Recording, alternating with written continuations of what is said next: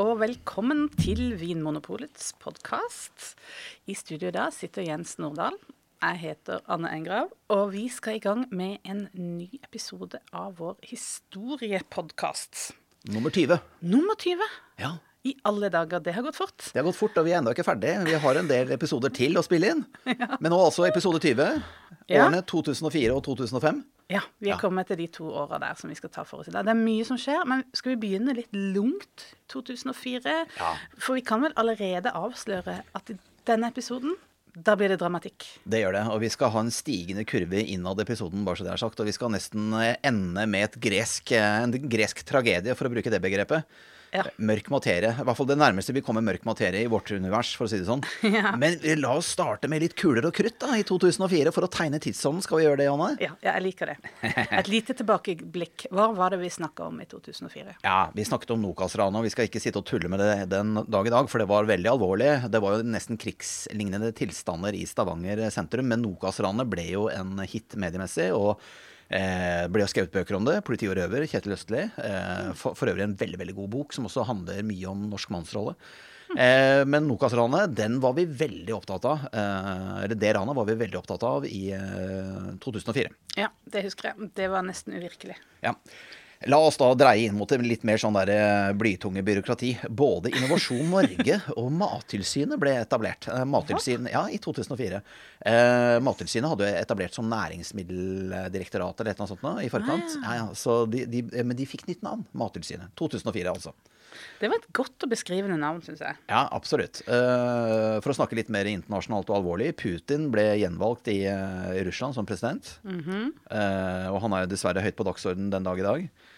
Eh, amerikansk eh, fangemishandling i Abu Ghraib-fengselet. Altså, vi husker disse bildene hvor uh, irakiske krigsfanger og også andre krigsfanger da, som amerikanerne hadde tatt, sto, måtte stå på sånne pappkasser, og de fikk påmontert ledninger så, man, så de trodde de fikk støt og den type ting. Hetter Ja. over hodet. Ja, det, det var gufne bilder. Ja, det var ekkelt. Eh, og, og det var jo også ganske godt dokumentert. Ja, la oss gå videre. Ja. Kan vi litt mer lystig. Husker du hvem som vant fotball-EM det året da? Nei. Det var en skikkelig skrell.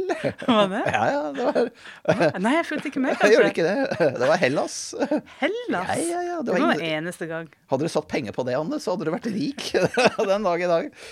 Eh, så skjer det noe som nesten har litt sånn eh, tegneserieperspektiv på seg. Skrik og Madonna. Eh, altså Edvard Munchs verdensberømte bilde blir jo stjålet eh, stjålet da, fra Munch-museet på Tøyen. Det, det husker jeg veldig godt, for jeg var nabo til Munch-museet. Ja, ja. Og det var òg helt sånn Hæ, er det mulig? Ja. Og, det, var, det var jo For det, så så amatørmessig ut også, syns jeg å huske. Altså, for man, mulig man hadde noen bilder av dette her, eller mulig jeg nå glemmer eh, blander med det eh, Ja, du tenker på Nasjonalgalleriet, Ja, for det det- ble stjålet derfra. Da var det bare en stige som var satt opp til vinduet. Det var på begynnelsen av 90-tallet. Ja. Men, men uansett, eh, det lurer jeg på om var faktisk Nokas-ranerne som stagea det eh, tyveriet av både Skrik og Madonna for å eh, skape en lynavleder. At eh, politiet da måtte bruke betydelige ressurser på å Ja. etterforske. Jeg tror òg det var noe sånn. Ja, jeg tror det. Det var en del av en eh, større plan. Og igjen, eh, det står i boka til Kjetil Østli. Den vant jo Brageprisen i 2009, tror jeg det var. Mm. Folk og rø eh, folk, nei, Politi og røver. Veldig bra bok, altså. Det skal jeg skrive meg bak Ja, god sommerlektyre, og den er vel lesbar den dag i dag. I november, eh, George W. W. Bush vinner valget. Han blir gjenvalgt i USA som president.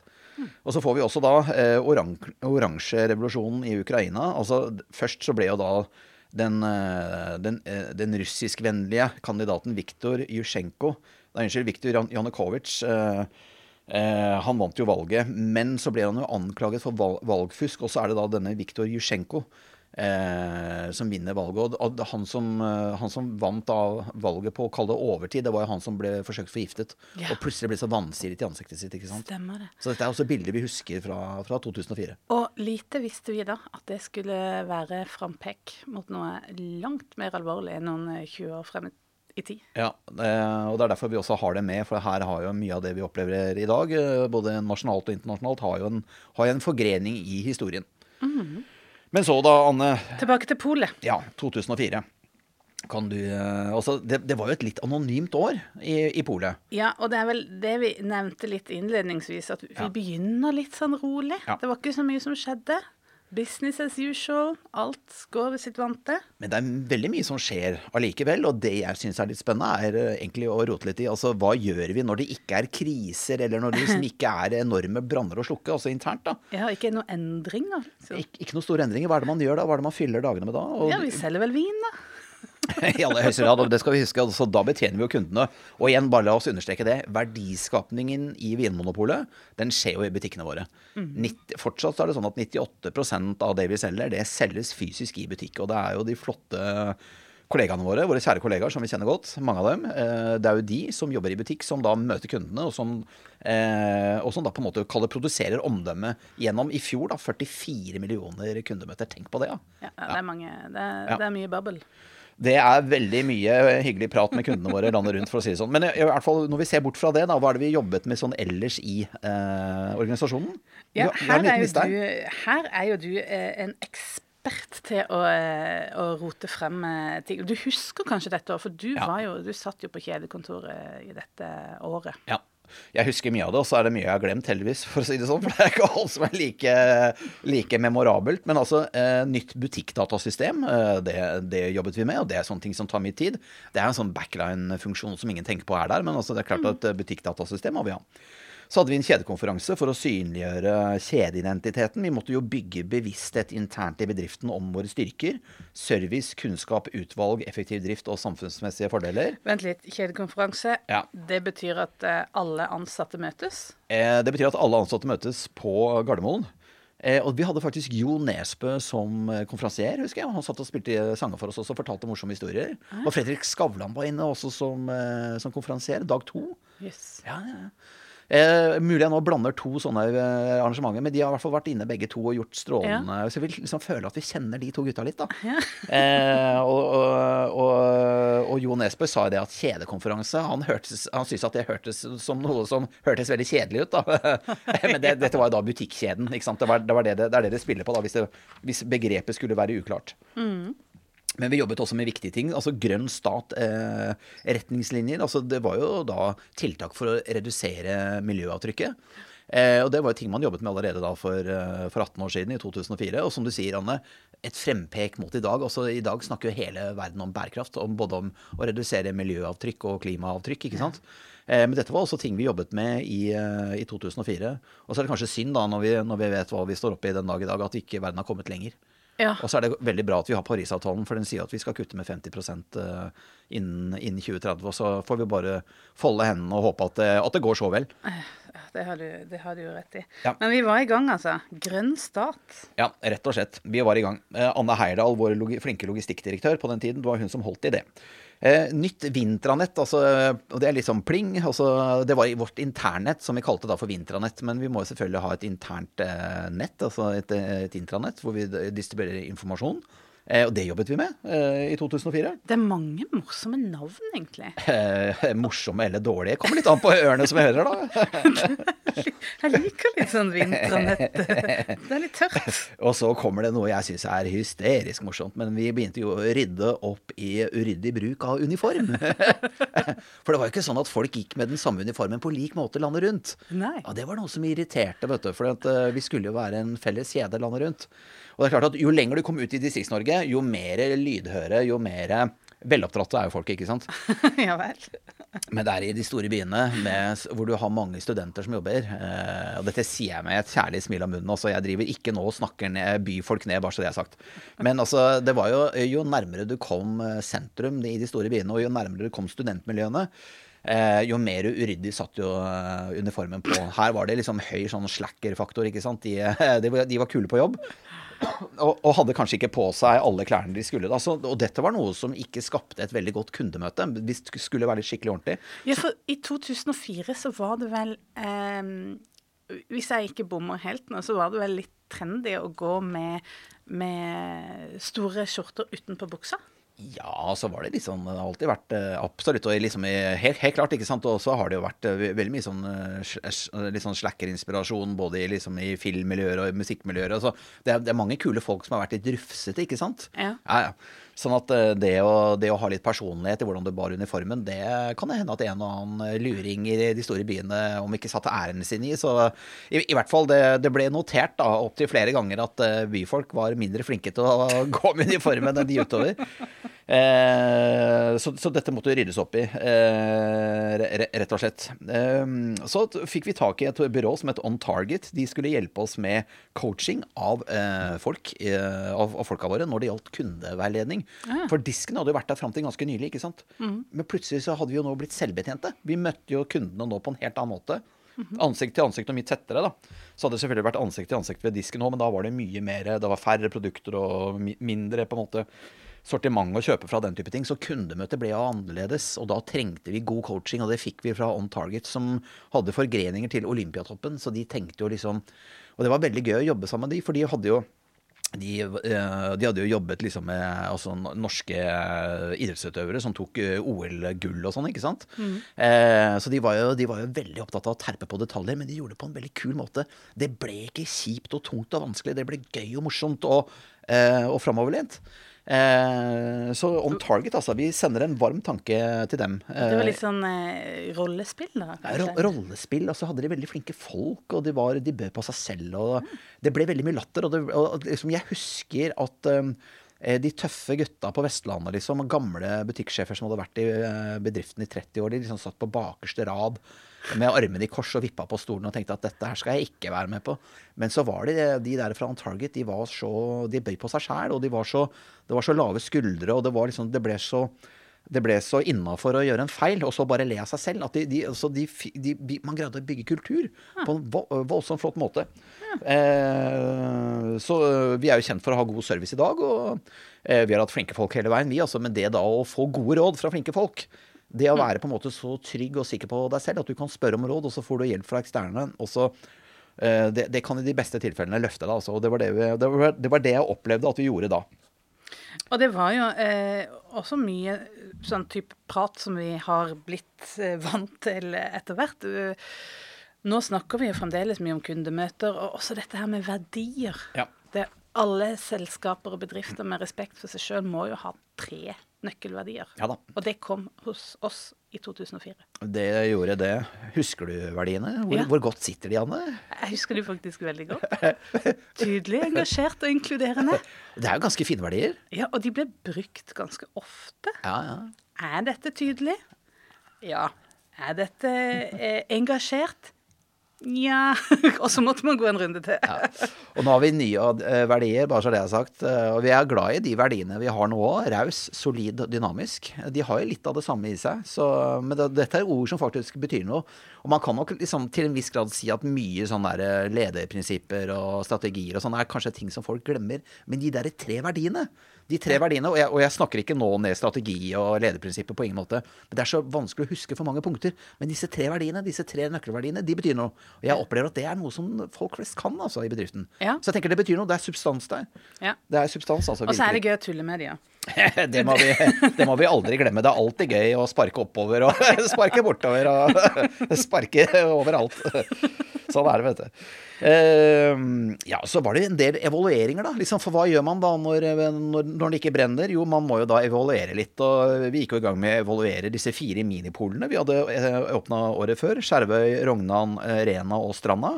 Og det var jo en god evaluering. Eh, Ordningen fortsatte, og alle var blide og fornøyde. Eh, Så var det en medieevaluering. Den var ikke iscenesatt av oss selv, men faktisk av Dagens Næringsliv. De hadde jo eh, studert de 20 mest omtalte selskapene, altså bedriftene, okay. i Norge, og funnet ut at Norge, nei, unnskyld, at Vinmonopolet var den 13. mest omtalte bedriften, med 8000 presseoppslag i løpet av et år eller noe sånt. Og da, under korona, hadde vi 13 000, så det er liksom det er ikke veldig mye mer nå, men, så det er en stor, stor portefølje av oppslag da. Eh, 95% det vi var best på, faktisk, var positiv og nøytral eh, omtale. 95% av de oppslagene var gode eller nøytrale, og det var det ingen andre som greide å matche. Det handler, jo, det, handler, det handler jo veldig mye om at vi har flinke folk i butikk. Vi, for vi tør å la folka våre i butikk uttale seg til eh, lokalpressen og til regionale aviser. De skal selvfølgelig ikke nødvendigvis ta politiske saker og riksmedier og den type ting. Det, det får administrerende direktør og oss andre på kjedekontoret ta seg av. Men eh, det at vi tør å bruke folka våre, også i media, det er gull verdt. Det bare viser hvor flinke og oppegående folk vi har landet rundt. Ja. Tusenvis av oppslag håndterer de eh, hvert år, og de gjør det selvstendig. Og det går helt strålende. Så det er liksom til alle andre bedriftsledere som lurer på hvordan, hvordan vinne Norge. Stol på folka dine. Det er, et, Ja. det er, det er rådet, altså. ja, det er sant. Og det var mer. altså Det var jo Ja. vind i seilet, kan du jo egentlig si. det, At eh, også selvbetjening ble evaluert. Ja. Og det var jo en suksess, må man si. Ja. Kanskje ikke helt uventa. Har du noe tall, eller, Anne?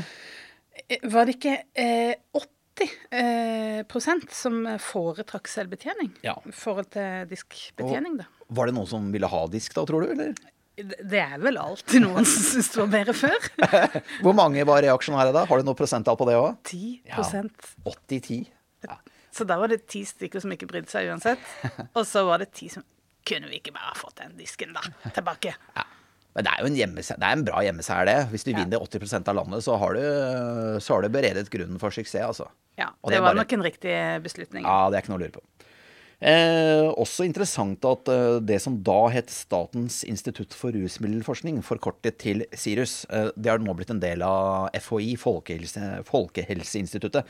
De gjorde jo en evaluering av eh, nordmenns alkoholkonsum, for det hadde jo skjedd enorme endringer i alkoholpolitikken disse årene. Vinmonopolet hadde jo åpnet eh, 40-50-60 nye pol, ikke sant? vi hadde fått selvbetjening, og det var jo av, avgiftsreduksjoner på, på brennevin. Alt dette har jo vi jo snakket om i de forrige episodene.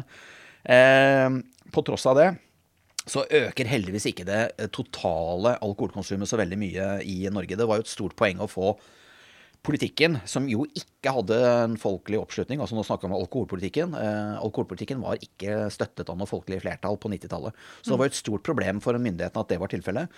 Eh, de måtte modernisere eh, alkoholpolitikken, og man fant jo da ut at de grepene som ble tatt, gjorde jo at man, man, eh, man hadde ikke lenger noe folkelig trøkk på, eh, på å legge ned polet, f.eks. Og folk begynte etter hvert å, eh, ja, å å støtte opp om norsk alkoholpolitikk.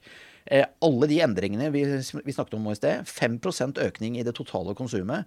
Eh, Riktignok, det registrerte konsumet økte med 14% men det ble da kompensert med nedgang for smuglersprit, hjemmebrent osv. Så sånn at eh, politikerne var nok også ganske da fornøyd, for da hadde man fått eh, en politikk som nå ikke lenger var gjenstand for eh, folkelig misnøye, og, og heller ikke kritikk. Og da var det heller ikke noe eh, folkelig krav om å gjøre ting som kunne på en måte rive teppet under, eh, under virksomheten, for å si det sånn. Så mye går i riktig vei. Ja, det er det. Pressen, pressen skriver positivt om oss. Ja. Folk, eh, det alkoholpolitiske går i riktig vei. Ja. Kundemøteservice. Alt er liksom jeg får en sånn derre Det er akkurat som en sånn eh, skrekkfilm. Når det er liksom Du er ute og så kjører bare på en vei, men med en gang så legger du på sånn skummel musikk. Jeg får lyst til å legge på litt skummel musikk her. Det er så idyll at man lurer på hva man skal gjøre, og da finner man på at man skal benchmarke Vinmonopolets IT-kostnader opp mot eh, Apotek 1 og Maxbo, som liksom var noen sånne lignende kjeder. Da. Så man, er vi dyre i drift da når det gjelder eh, IT-kostnader? Og så fant man ut at nei, det var man ikke. Men sånn, så idyllisk var det at vi kunne ta oss tid til å benchmarke IT-kostnadene mot andre faghandler. Det er, det er som du sier, Anne. Det er, eh, det er, eh, det er så idyllisk at man, eh, at man kan bli lullet inn i en litt sånn eh, søvndyssende farlig, farlig virkelighetsforståelse. Nei, vi skal ikke dra det for langt, men øh, øh, vi, vi begynte etter hvert også å jobbe med ny strategi. Det, var, det, var jo start, det begynte å nærme seg en ny strategiperiode. Mm. vi åpnet jo butikker. Skal vi ta et lite Norge, Norge Rundt her, eller? Jeg er veldig glad i det. Ja. Og du er eh, vår, eh, jeg tror hele landets eh, kommuneekspert, så jeg syns du skal få æren av det. Jeg er veldig glad i å snakke om kommune, i hvert fall. Og vi åpner en herlig blanding av store og små butikker i 2004. Bodø City Nord, altså kjøpesenteret utenfor Bodø sentrum. En stor og viktig butikk den dag i dag. Åpner i 2004. Det samme gjør Buskerud Storsenter i daværende Nedre Eiker, nå en del av Drammen. Også det er en veldig stor og viktig butikk. Båtsfjord. Det er også en veldig viktig butikk for oss oppe i Finnmark, men det er jo et ganske lite samfunn. Rundt 3000 innbyggere, tror jeg. Ok. Eh, Stange utenfor Hamar. Eh, Der kyllingen kommer fra. der kyllingen kommer fra. Eh, den nydelige jordbruksbygda Stange eh, får Pol eh, i, i 2004. Det samme gjør Lade. Lade i Trondheim. Lade ligger jo en del av Trondheim som nå utbygges med i rasende fart, og byen vokser veldig opp i nord der med Lade og Leangen og disse Ranheim og disse områdene her.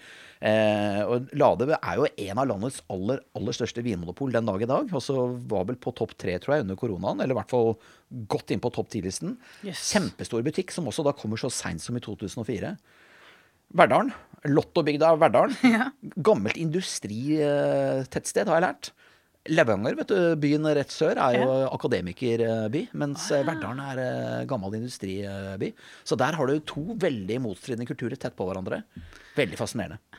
Eh, De får port så sent som i 2004. Og Vinterbro utenfor, utenfor Oslo, på vei liksom sørover, eh, Vinterbrosenteret, som ligger litt sånn in the middle of nowhere, eh, men hvor det er halvannen milliard i handel den dag i dag for Polen. Så det er sto mye store og viktige butikker som kommer i 2004. Det er nesten rart at ikke de har kommet før, Ja. når man ser på tallene nå i etterkant. Det tenker jeg om. Det tenker jeg om. Men du Anne, altså, eh, vi jobbet med mye interessant her. og Vi har vært gjennom en del av det nå for 2004. Og så er det også et par ting som Knut Grøholt, eh, strategen, altså, for de som eventuelt hopper inn i denne episoden, altså Knut Grøholt var daværende eh, administrerende direktør i Vinmonopolet, og han hadde jo vært hjernen, mesterhjernen bak moderniseringen. Selvfølgelig ikke helt alene, men han hadde jo vært en helt avgjørende maktfaktor for å få til dette. Eh, Han jobbet jo også med et par ting som han ikke lykkes med, Ja. men som egentlig bare viser hvor god strateg han var. Og jeg tenker at dette skal vi også nevne, ta, koste på oss å nevne før denne skrekkfilmmusikken din eh, øker i volum. øker i volum. Men, og da er det spesielt tre ting som, eh, som vi vil trekke fram som var viktige grep han ville gjøre. Og to av de ble ikke noe av, og en av de ble noe av. Ja, bra. Vi går i gang med det som ble stang ut. Ja. La oss gjøre det. Han ville rett og slett ha prøvesmaking i butikk. Det man da kalte publikumsprøving i butikk. ja. Eh, vet du hvorfor? Smaksprøver. Ja, smaksprøver, rett og slett. Vet du hvorfor han ville ha det? Eh, for å ligne på det beste i utlandet, eller noe sånt. Ja, ja, ja, helt klart. Og han sa det, det var, dette er jo helt van, vanlig i andre bransjer. Han sa vi må jobbe for gode kunderelasjoner. Eh, og dessuten er det slik at eh, butikkene våre, med alle de flinke folka våre, de merker jo en økende interesse fra kundene når det gjelder uh, informasjon om varene. Og da tenkte man jo det at dette kunne også bidra til å skape god drikkekultur. Man måtte jo prøve å selge dette inn overfor våre eiere, vet du, overfor Sosialdepartementet. Eh, og mange var redd for at dette her skulle bli oppfattet å være et salgsfremmende eh, tiltak. Ja, det skjønner jeg litt, egentlig. Men man Ja. hadde jo gode svar for hånden. Og det, var, det skulle ikke være smaksprøver når butikkene var åpne. Å ja! Så du skulle ikke gå i butikken og si 'smak på denne, er ikke den god? Ta den med deg hjem til fredagen'.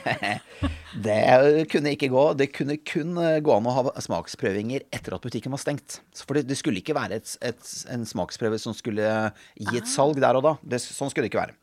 Ja, Så det er mer som en vinsmaking? egentlig. En vinsmaking med, og selvfølgelig spytting. ikke sant? Det skulle ikke være noe man driver og svelger og sånn. Så det måtte være spytting i bøtter eller vask, da, ikke sant. Eh, og så skrev man også i et brev til Sosialdepartementet da, i 2003-2004, for man jobbet jo lenge med denne gode drikkekulturprosjektet sitt, som jo redegjorde veldig eh, grundig for Jeg tror det var i forrige episode.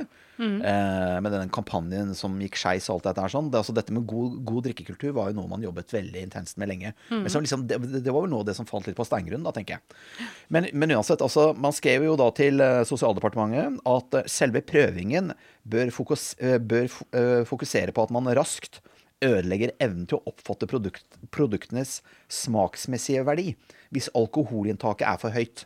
Ja. Så man mente jo helt genuint det at altså, dette skulle være eh, kompetanse gitt til kundene, altså kompetansebygging hos kundene, for at man skulle eh, verdsette smak og produktenes kalles sensoriske kvalitet framfor uh, rusvirkningen som alkohol skaper. ikke sant? Ja, Så det var mer som en slags opplæring eller undervisning. Og det har vi jo fått seinere. Ja. Det har vi fått senere. Vi har jo fått kundekurs, som vi kaller det nå, da. Ja, kundekurs, ja. Absolutt. Eh, man sa jo det til departementet at alkohol i store mengder sløver smak og luktsans. eh, og, at, eh, ja, og at det derfor var veldig viktig på en måte å å, å framheve det, det ønologiske, det, det smaksmessige her, som du sier. Dette var stang ut i 2004. Det ble det ikke noe av i Gryholts regjeringstid. Men vi har fått, som du sier, kundekurs har vi fått senere. Og det er spytting eh, Det er som gjelder da òg. Ja, men det er vel så seint som Dette tar jeg ikke helt på husk, men det er sånn 2016-2017 og sånt nå? Eh, det var eh, under Kai Henriksen sin periode, så Da er vi i 2014-2015 Ja. og sånt nå. Men det kommer vi tilbake til i en senere episode. Eh, bra. Ja, så det eh, ble det ikke noe av. Det ble- eh, Eller det ble kom på et senere tidspunkt. Ja. Men en annen ting som også har vært en litt sånn het potet, det er jo da altså taxfree-salget. Ja. At Vinmonopolet ønska å være de som solgte drikken på Ja. taxfree. Ja, det er riktig. Bare en kort liten ting på dette med for Det er vel ikke smaksprøver i butikk eh, nå. Det er kundekurs, som du sier, men i eksterne lokaler. Ja, det er sant. Det er en viktig forskjell. Ja, veldig viktig forskjell. Så det, vi- smaksprøver i- butikk har vi fortsatt ikke, men det blir eksterne kundekurs. da. Men så, Anne, så er vi tilbake til taxfree, som Ja. du sier. For det han gjør, som du sier, han tar jo kontakt med selveste sosial, den daværende sosialminister Dagfinn Høybråten. Og han er i dette tilfellet Grøholt. Ja, han er Grøt. Det er bra du Det er bra du eh, dekoder eh, mitraljøsen her. Det er veldig bra. Eh, Grøholt sier jo da til Høybråten at eh, dette salget eh, på flyplassene, det bør Vinmonopolet ta. Fordi at det blir eh, taxfree for stor, så kan det kanskje bidra til å undergrave Vinmonopolets posisjon. Eh, økonomisk kanskje, men kanskje også sånn alkoholpolitisk, ikke sant. Det blir jo veldig rart å kjøre to hester eh, eh, hvis det skulle utvikle seg veldig i, i dette taxfree-salget. Det har man hele tiden Og dette kommer litt an på politisk ståsted, hvor man, hva man mener. Noen mener at dette er greit, andre mener at dette ikke er greit. Så det, såpass, eh, såpass eh, ærlig må vi jo være, ikke sant? Men i den daværende blågule regjeringen, eh, hvor altså Bondevik var statsminister, så hvis ikke jeg husker helt feil, så var det jo en finansminister fra Høyre, nemlig Per Christian Foss. Eh, og han har, jo, han har jo ansvar for inntektene, og han ville, ikke, han ville ikke begynne å rote til finansieringsmodellen av flyplassene. Så han sa nei. Og det kan jo også ha vært ideologiske føringer der også. Vi skal ha full respekt for at Høyre på en måte eh, personer som tilhører høyresiden i norsk politikk, mener at det er feil, at staten har for mye på en måte or or orden på dette. ikke sant? Men det er morsomt at det er en finansminister som sier nei. Det kan du si. Jeg synes det er sånn, Men kanskje jeg bare mangler litt innsikt i hvordan det er fungerer. Det kan du si. Samtidig så har vi jo fått demonstrert nå under pandemien ikke sant, at hva skjedde med Vinmonopol-salg når, eh, når eh, pandemien var der og det var full stopp i grensehandel og taxfree. For så vidt også delvis i restaurantsalget. Da. Altså, vi tjente storetallslov ca. altså Staten fikk ca. 5 milliarder ekstra eh, i avgiftsinntekter eh, fra Vinmonopolet eh, som følge av at vi hadde mer eller mindre alt salg av vin og brennevin da under, under koronaen per år. Ja, Man kan jo finansiere noen flyplasser Ja. med det òg. Så det, det, det kan man, og så er det selvfølgelig også, Alt dette er ikke taxfree, selvfølgelig. Og det er også sånn at eh, det er, også, det er jo også inntekter til, eh, til flyselskapene, altså til, til flyplassene og til Avinor eh, fra eksisterende taxfree-salg. Så det, det, er ikke sånn at staten får fem millioner, nei, unnskyld, fem milliarder mer å rutte med. Du må jo trekke fra noe også, ikke sant? for det er jo allerede inntekter der på dagens system. Ja, men, men at, at man Dette er jo et regnskap, dette er et tall. og dette, dette kan selvfølgelig være kontroversielt i noen lytteres øre, men altså det, dette er, det er jo dokumentert med regnestykket fra Finansdepartementet den dag i dag at uh, staten vil tjene mer penger på om, man, uh, om, om Vinmonopolet har dette salget, da, eller om man legger ned taxfree-ordningen. ikke sant? Sånn at, og ikke for å bli for politisk, men dette, dette er ren deskriptiv informasjon fra et uh, fra en rapport signert Finansdepartementet for, for noen år tilbake. Bare, bare så det er sagt. Nettopp. Men i hvert fall, Per Christian Foss eh, sier nei. Ja, han gjorde det, og, og da var jo også taxfree-salget mye lavere på landets flyplasser. Sikkert også i, i fergebransjen. Vi vet jo mindre om uh, fergenes salg av taxfree enn, enn av flyplassene. De rapporterer ikke på samme måte, men i hvert fall uh, Vi har det med, for det viser jo hvilken betydelig strateg Grøholt var. Han så hva man trengte å gjøre, og så var det ikke alltid han fikk det til, men uh, eh, han var i hvert fall på ballen der òg. Så var det jo da, Vi burde jo skjelt litt til Sverige i 2004. 2003-2004, For da hadde de en korrupsjonsskandale i Sverige. Eh, Og den var ikke så liten. Nei, den var ganske svær. Den var ganske svær. Jeg skal love deg at jeg satt ganske mange dager i, eh, og håndterte presse da det gikk på, pågikk som verst i Sverige.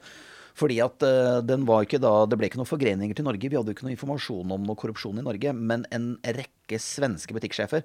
Og der var jo ting satt veldig i system. Eh, vi har jo tullet tidligere med at svenskene er så flinke på byråkrati, at alt er, og det er ordning og reda i Sverige. ikke sant? Og jammen var de ganske flinke til å rigge til et eh, korrupt system òg, for å si det sånn. ja, du ler, du. vi skal ikke snakke svenskene ned nå, men eh, det hadde de jammen greid. Og, og det var jo så mange som 70-90 butikksjefer som var mistenkt for korrupsjon. Og der var, man, hadde, man fikk jo sånn, altså, der var det jo vingrossister, da, ikke sant? vinimportører, som, som ga bonuspoeng. ikke sant? Du hadde et sånt eh, Ja, poengsystem. Det var et system. Ja, ja. Og eh, det, det fins en veldig god podkast, svensk P3, tror jeg det, Mm. som er liksom tilsvarende NRKs Hele historien, hvis Ja. noen kjente den, som handler om den korrupsjonssaken. Og det er ganske interessant å høre hvor iscenesatt det var. Og altså, det var noen som hadde et helt kjøkken som var innreda med, med ting de Ja. hadde fått som eh, gaver, da. Og de hadde vært mye utenlandsreiser, og de hadde dratt til Barcelona og festet, og liksom det hadde vært ja. mye Og det var pengebunker i, i konvolutter, og det var Ja, det var rett og slett god gammeldags korrupsjon. Det høres ut som en film, dette her. Og det burde vært et skremmeskudd for oss, eh, for det er jo et lite frempek om hva som skal komme hos oss bare et par år senere, men dog i en annen fortapning. Og det var det jo også. Vi skrev jo mye om det, og Knut Gråth, jeg har bladd i gamle Apropol, altså vår internavis fra den tiden, og Knut Gråth har jo mange ledere om dette her. Han adresserer jo etikk, og han adresserer jo eh, antikorrupsjonstiltak og den type ting. Men så er det liksom akkurat som at i strømmen av alt dette andre, i strømmen av alle disse tingene vi jobber med, da, ikke sant, nytt eh, butikkdatasystem og nytt Ja. intranett og alle evalueringene og on target som hjelper oss med kundehåndtering og alt dette her, ikke sant. Ja. Så er det liksom Det, det drukner. Ja. Det er liksom det er litt Litt kjedelig. Det, er liksom det å liksom snakke om preventive etiske tiltak, liksom det, det faller litt på stengrunn. I en sånn idyll. Ja, det gjør det. Men eh, det er klart også eh, Presse-Norge hadde jo også dette i ryggen. Ja, ja. Å ja, det skal jeg love. Når, det som skulle skje, skjer. Men før bomben smeller, Anne, vi må jo også snakke om spesialpolet på Briskeby. ja, la oss ta et bitte lite sidespor inn til Briskeby by. Ja. For det, det kommer jo spesialpol der i 2005. ja. Det er helt riktig. Og det er Faktisk så begynner jeg på Briskeby januar 2006, og da er det akkurat åpna som spesialpol. Ja. Det var jo en del av strategisk plan, uh, dette her. Eh, og det, øh, det skulle jo da være man, Som en del av strategisk plan så skulle man differensiere eh, butikkstrukturen rundt omkring i landet. Det skulle være minipol i, i distriktene. Og så skulle det da være spesialpol eh, i byene. ikke sant? Og det første polet da, spesialpolet, legges jo til Briskeby. Og det er jo, det vet vi nå i ettertid, det viser seg å være vintrendenes episenter i Norge. Ja. Men det tror jeg ikke de visste da. Og det har jo vi spurt Gråholt om. Ja. Eh, visste du at det var episenteret? Og nei, det gjorde han ikke. Så der har de hatt utrolig god in intuisjon. Ja. De har selvfølgelig hatt uh, analytisk innsikt, men de har hatt litt flaks òg. De de har nok ikke skjønt hvor spot on det var. Men de traff klokkerent. De gjorde det. Men de brukte jo selvfølgelig eh, De hadde jo informasjon som De hadde markedsanalyser, og de Ja. hadde jo eh, liksom Salgstall. salgstall, selvfølgelig. Ja, ja. Som er, det er jo også i salgstallet at du har sett dette mønsteret i etterkant. Helt klart. Og de trendene er jo så langsomme at de bruker jo mange år på å bevege seg ut i landet, så da må man jo eh, studere lange tidsserier. Du må helst ta det egentlig over 20 år før du begynner å se noe skikkelig, ikke sant. Men, eh, men de, de, de så på dette her uansett, og så kontaktet de MMI, som står for da Markeds- og medieinstituttet. Nå er det fusjonert inn og blitt en del av Ipsos, tror jeg, eller noe sånt nå. Altså, Det har vært så mye fusjoner i den delen av, eller i, i den bransjen, men uansett, MMI, som jo er, en, er et pust av det gamle Norge, for å si det sånn. De hadde da intervjuet masse kunder, vinjournalister og polets egne ansatte, og så hadde de da funnet ut at denne spesialbutikken, den måtte legges på Briskeby. Fordi eh, kundene er sånn, de brukte jo veldig mye penger på vin. Det visste man. Eh, de ville også kjøpe vin til lagring. Ja. Det visste man. Eh, vet du noe mer om disse kundene på Briskeby, Anne, som eh, gjorde, gjorde at de skilte seg fra, fra den gemene hop landet rundt? Ja, altså, jeg, jeg kjenner de jo fra å møte de daglig i flere år, så jeg, jeg kjenner meg jo igjen av den beskrivelsen. At de ville spesielt ta fransk og italiensk vin. Ja, de var opptatt av klassiske områder. Ja. Kom de bare deisende inn i butikken og ville ha råd, eller hadde de bestemt seg på forhånd, eller hvordan var det? Eh, det var litt både òg, faktisk. Men veldig mange hadde bestemt ganske mye på forhånd. Okay. At du hadde liksom en idé om at jeg skal ha en Bordeaux. Krevende kunder, eller? Ja. Brukte mye tid. Og jeg mener jo at vi fikk ekstra timer fordi vi hadde kunder som, som brukte eh, lengre tid på den eh, avklaringa og konsultasjonen. Da. Så vi trengte flere folk, rett og slett. Ja, men Det stemmer helt med det jeg har lest meg opp i, i strategidokumentene for denne butikken. For der står det jo at kundebehandling skulle være viktigere enn effektiv drift. For her, her hadde man jo en kundegruppe som man vet er veldig toneangivende, og som man vet eh, krever mye. Mm. Eh, og det er ikke noe galt i det å være en kunde som krever mye. Det, kan være, det er veldig spennende kunder, og det er veldig eh, morsomme kunder å jobbe med. Ja, og det er kunder vi kan lære mye av. ikke sant? De er langt framme i skoen. Det var veldig inspirerende å gå på jobb der. Så kult. Ja, det, jeg må si det var et, Og så var det et veldig godt miljø blant de ansatte. Det var veldig ja, flinke folk. Ja. Så vi lærte mye av hverandre. Ja. Lærte veldig mye av å jobbe der. Mye årgangsvin, eller? Veldig mye årgangsvin og veldig mye eh, Altså, man måtte ha Altså, alt kan jo være årgangsvin, på en måte. Ja. Eh, men man måtte ha eh, orden på årgangene sine. Man måtte ha kunnskapen om eh, hva var det med årgangen som gjorde at eh, man burde velge det foran til det noe annet. Okay. ja. Så det å ta en, eh, en sånn eh, Altså, du, du kunne ikke fake det, for å si det sånn. Man måtte, kunne ikke ta en sånn eh, En, eh, en, eh, en snarvei. Nei, vi hadde et lite bibliotek ute i butikklokalet, så vi kunne slå opp altså, når, vi, når det ble for vanskelig. Da. Ja, kult. Det var kult. Eh, Kompetente ansatte, sier du. Eh, Hva slags type kompetanse måtte dere ha da? Eh, altså, det var veldig flinke vinfolk Ja. som var gjerne opplært uh, gjennom Vinmonopolets egne Ja. uh, ordninger, Ja. og i tillegg eh, gått den ekstra mila på fritida. Og så var det mye restaurantfolk som hadde jobba mye med liksom, dette med mat og vin. Mye som kom rett fra restaurant. Det, jeg var jo en av de, blant annet. Som, Hva, nettopp, hvor hadde du jobba i restaurantbransjen da? jeg kom rett fra Kampen Bistro. Oi, kult. Det er et gøy sted. Ja, det er litt kult. Det er, der har de eh, morsomme møbler. Ingen er like. Og så har de da Ja. en utrolig god meny. Ja, det er sant. Jeg liker det her. Ja, jeg er- liker det, altså. det er- er lave skuldre. Hva med serviceinnstillingen, da? Var det noen sånn ekstra, ekstra poeng på det, eller? Ja, det, men det var så mye, og det var så mye eh, restaurantforhold, at det var noen ganger at det faktisk kundene kom og skulle tipse. Nei! Nei!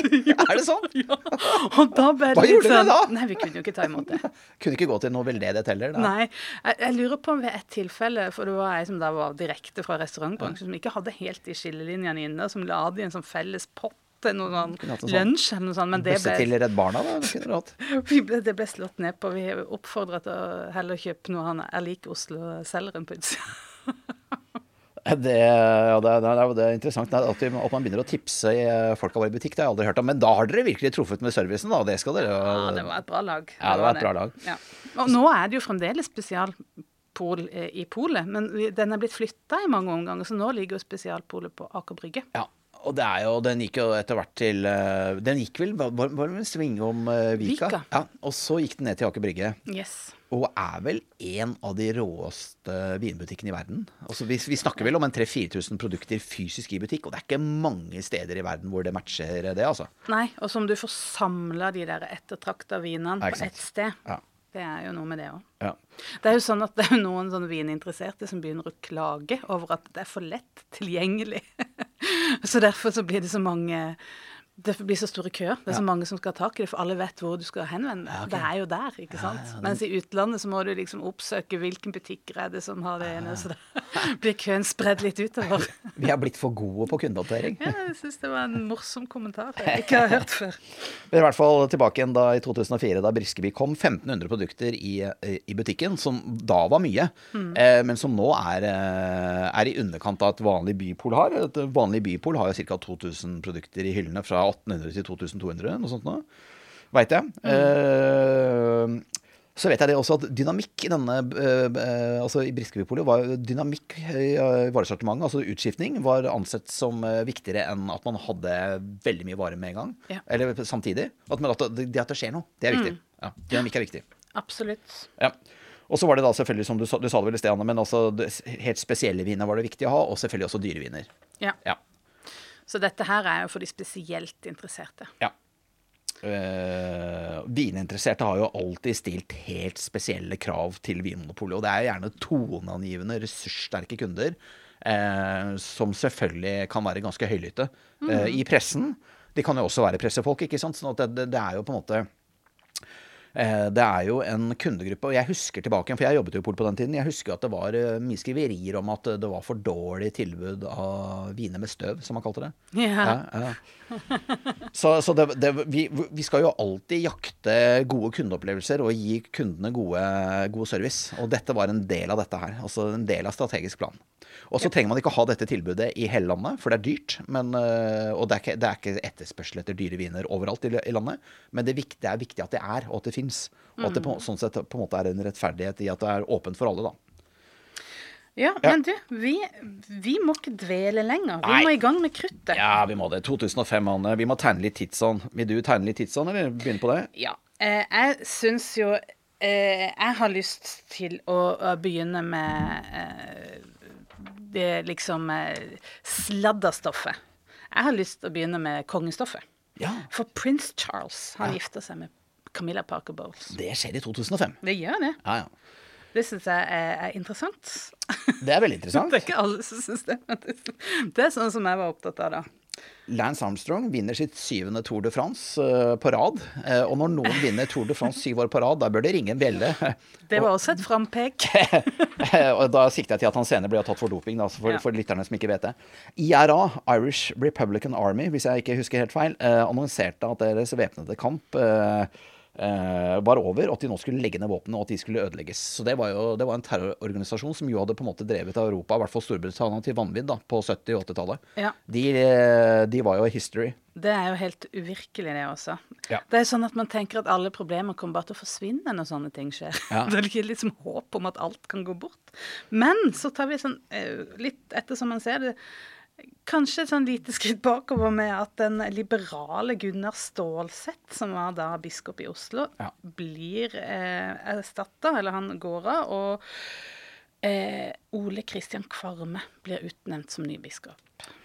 Han hadde jo, Det var litt kontroverser kontrovers det, da. Ja, det ble det, for han hadde jo et litt mer eh, historisk eller patriarkalsk syn på homofili. Han ville vel ikke ansette eh, prester som hadde et åpent homofilt uh, Ja, det var noe litt, samliv. det var noe litt trangt der, Ja, som det. jeg husker det, da. Ja, Men klart. der er vi jo ulike.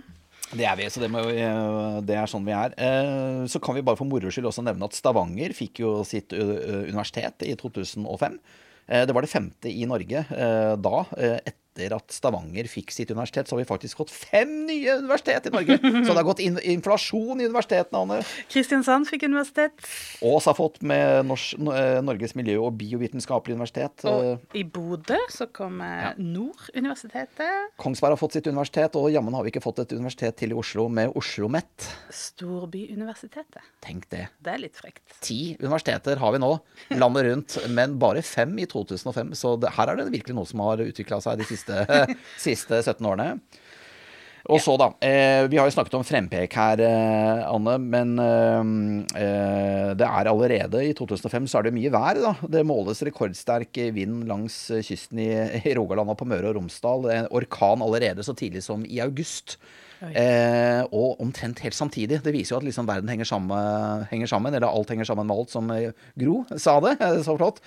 Fordi at 30. august eh, samme år, altså orkanen Katarina, eh, som jo eh, husker, forårsaker enorme ødeleggelser i New Orleans. Eh, og, det kost, og det er mange, mange altfor mange mennesker som døde i den katastrofen. Mm. Vannet bare flommet inn. Og jeg husker Sean Penn, blant annet den kjente skuespilleren, dro dit for å, for for å måtte, måtte hjelpe til med nødarbeid.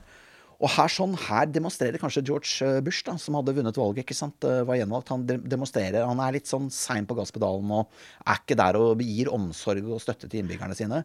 Og det er mange som mener at der rakna det for republikanerne. De ble ikke eh, gjenvalgt. Skal det sies at de fikk jo ganske mye å ta opp kampen med da når eh, Obama kom etter hvert. ikke sant? Så, eh, umulig å slå den mannen. En av de flotte, flotteste, flotteste menneskene jeg vet om, i hvert fall. Men uh, uansett, uh, uh, det blåser opp til storm. Det er derfor vi har det med. Nettopp. Det blåser opp til storm. Ja, det gjør det. Og det vi skal snakke om nå, er det som vi kaller Ekejord-saken. Ja. Det er kanskje det største traumet i vår moderne vinmonopolhistorie. I hvert fall etter delingen i 95, ja. Helt klart. I hvert fall etter delinga i 95. Ja, det er sant, det er viktig. Og det er noe som fremdeles er litt sårt. Det er, eh, det er et eh, arr der som fremdeles er åpent. Og det er mange, i hvert fall i Polet, som har sterke følelser rundt det fremdeles. Kanskje noen ikke har det. Og så er det kanskje mange som eh, ikke er ansatt i Polet, som uh, ikke har noe forhold til dette i det hele tatt. Ja. Og det skal vi ha respekt for. Og så skal vi prøve å på en måte ikke bli for partiske her, men det å late som at Eikjord-saken ikke fins, det ble jo helt feil. Vi må, snakke om den. vi må snakke om den. Ja, ja, ja. ja. Og vi har en kronologi her. Vi Det må gjennom den. Dette er et drama. Det er en gresk tragedie. Det er tre akter. Ja. Og eh, Fase én, da? ja. Eller skal vi kalle det akt? Kan vi kalle det akt 1? Ja, Første. Første akt. Ah, det er så, du er så poetisk. Det er bra. La oss kjøre det poetisk, Anne. Og, og første akt kaller vi pressestorm. Ja, det var en pressestorm, altså. Eh, vi får et lite frampek her. Den 19. januar 2005 så er det noen tidligere butikksjefer i Østfold som kontakter ledelsen og sier at de har blitt kontaktet av pressen eh, lokalt, eller de har fått noen henvendelser om at eh, noe er i gjære. Ja. Ja. Eh, det er da påstander om korrupsjon, om uønsket påvirkning. Og her, nå har vi jo da friskt i minne at det har vært en svær brudulje i Ja, Sverige. ja. Så det er jo ikke helt utenkelig at Nei. noen norske journalister vil begynne å grave og se om de kan finne noe lignende i Norge. De jakter, øh, og Vinmonopolet ligger jo på omdømmetoppen. og Vi har plutselig gått fra å være veldig upopulære til å bli veldig populære. Vi er jo i ferd med å cashe inn våre første omdømmepriser, ikke sant? så vi er jo ikke lenger nedi grauten av, av suppebedrifter. Vi er jo på toppen, vi er på pallplass. Ja, Ja. og Dette er jo en eh, premie, altså det er jo skuddpremie, tenker jeg. Det blir jo litt sånn. Uh, og de jakter i flakk, det skal vi komme tilbake til. Men jeg husker at vi fikk en telefax, for vi er tilbake igjen. Det er liksom et sånt pust av gamle dager her òg, da. Ja. Men vi fikk jo en telefax. Det ble jo faksa inn 30 sider med denne pressepakken, eller man kaller det gjerne drittpakke, da. ikke sant? Og den var jo skrudd sammen av eh, en fyr som heter Svein Lindin. Han jobbet jo da i eh, Ekjord, som var den daværende største eh, eh, vinimportøren til Vinmonopolet, så det var store, store forhold. Han hadde blitt sparket av. Akkurat. eh, av importbedriften. Han fikk, eh, han fikk senere medhold i en rettssak, bare så det er sagt, altså, men han var rasende for at han hadde mistet jobben sin På Eh, uriktig grunnlag. på uriktig grunnlag. Så han hadde da samlet sammen det han mente var eh, informasjon som kunne på en måte bevise at han hadde rett, og at eh, her foregikk det ting som ikke var bra. Eh, og så hadde han sendt dette her til eh, Dagbladet VG og til mange andre medier i, i landet, og de trykket jo dette begjærlig. For han mente da å kunne dokumentere at her foregikk det da eh, uheldig påvirkning av polansatte, eller da smøring, ikke sant, korrupsjon. Det var påstandene. OK, hva, hvordan var det du, du tok imot denne telefaksen her, da? Jeg gjorde faktisk det. Jeg var på jobb den dagen. Det skulle være en sånn festmiddag i eh, kantinen. Det var Det kan ha vært noe sånn Jeg husker ikke helt hva som var eh, et, Mulig at det var besøk fra departementet. Sosialdepartementet spiser sånne Jo, men spiser Ja, en ja, middag ja. liksom med Så jeg husker Gråt var opptatt av å representere Vinmonopolet i, eh, i, eh, i kantina. Ja, for det er jo en sånn dag der man er litt sånn på tuppa og har pynta seg og sånn. Ikke sant? Jeg husker at jeg hadde bestemt meg for at jeg skulle ikke være med på den middagen fordi at jeg var litt snufsete, så jeg ville ikke sitte og smitte folk. Så jeg var oppe i etasjen over, eh, og så tikket jeg av denne faksen inn. Og da husker jeg jeg gikk ned eh, til Grøholt med den faksen, og så sa jeg at du her tikker det inn noe greier. Eh, Dette ser ikke helt bra ut, skal vi gjøre noe med det? Da husker jeg bare at han, han tok litt lett på det. Og da fikk jeg litt sånn Titanic-vib, for liksom det var akkurat Ja. som at pianistene satt og spilte i hjørnet mens skuta holdt på å gå på grunn, liksom. Å, nå, nå går den der skrekksmusikklyden opp i, i styrke her, kjenner jeg. Vi ringte jo til eh, Gelmøyden Kise, som var det byrået vi samarbeidet med på den tiden. Og de, eh, der var det jo red alert med, med en gang. De skjønte, okay. ja, ja, de skjønte at dette var kjempefarlig. Eh, og jeg husker jeg fikk en streng Var det samme da? Ja, samme dag, samme kveld. Og vi jobbet jo langt utover kvelden. For vi, altså, vi, skjønte at, vi, var, altså, vi skjønte at dette kommer til å treffe eh, Potensialet for at det treffer bredt, eh, er stort.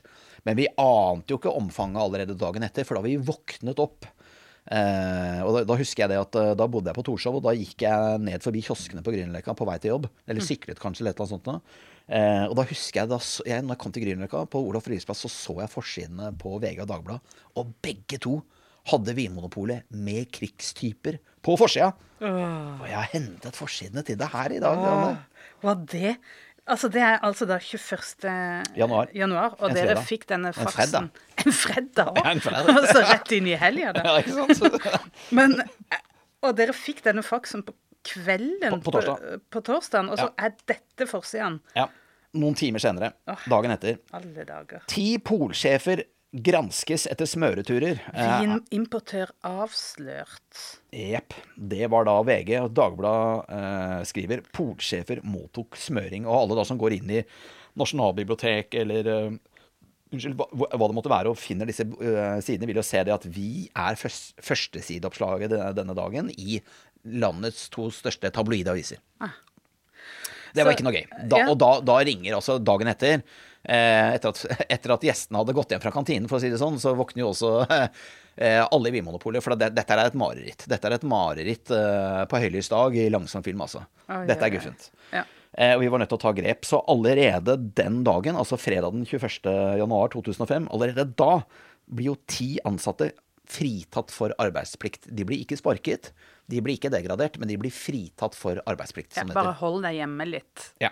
Men du, eh, det jeg ikke helt skjønner, hvorfor står det at ti polsjefer granskes? Er det satt i gang noen granskning, eller er det pressen som gransker de? Eh, Det ble jo ganske rask gransking, for her skal det ene ta det andre. Og det er klart at uh, her må man, uh, her må man uh, reagere raskt. sånn at det- ble jo raskt en granskning, for allerede dagen etter eh, så Altså lørdag den 22. så så er det jo Erling Grimstad er jo da hyra inn som, eh, som gransker. gransker. Men før vi kommer dit, Ja. bare nevner det for deg, Anne. Ja. De, dette, dette var altså når, når både Dagbladet og VG har saken så høyt oppe på forsida, når vi er hovedoppslaget i begge de to tabloide riksavisene, eh, da ringte jo alt som var av regionalpresse og lokalpresse, de ringte jo rundt i butikksjefene våre, ikke sant? Eh, og for å høre er det her, eh, er det, er det disse som ti som er på en måte fritatt for arbeidsplikt eh, inntil videre? Og det var jo en del, altså det er jo sånn at syke, normalt sykefravær ligger jo på en 7-8 ikke sant? Sånn at, eh, jo, men det var en del som noen hadde knekt beinet fordi de hadde falt i skibakken, ikke sant? Og andre hadde influensa, det er helt naturlig da.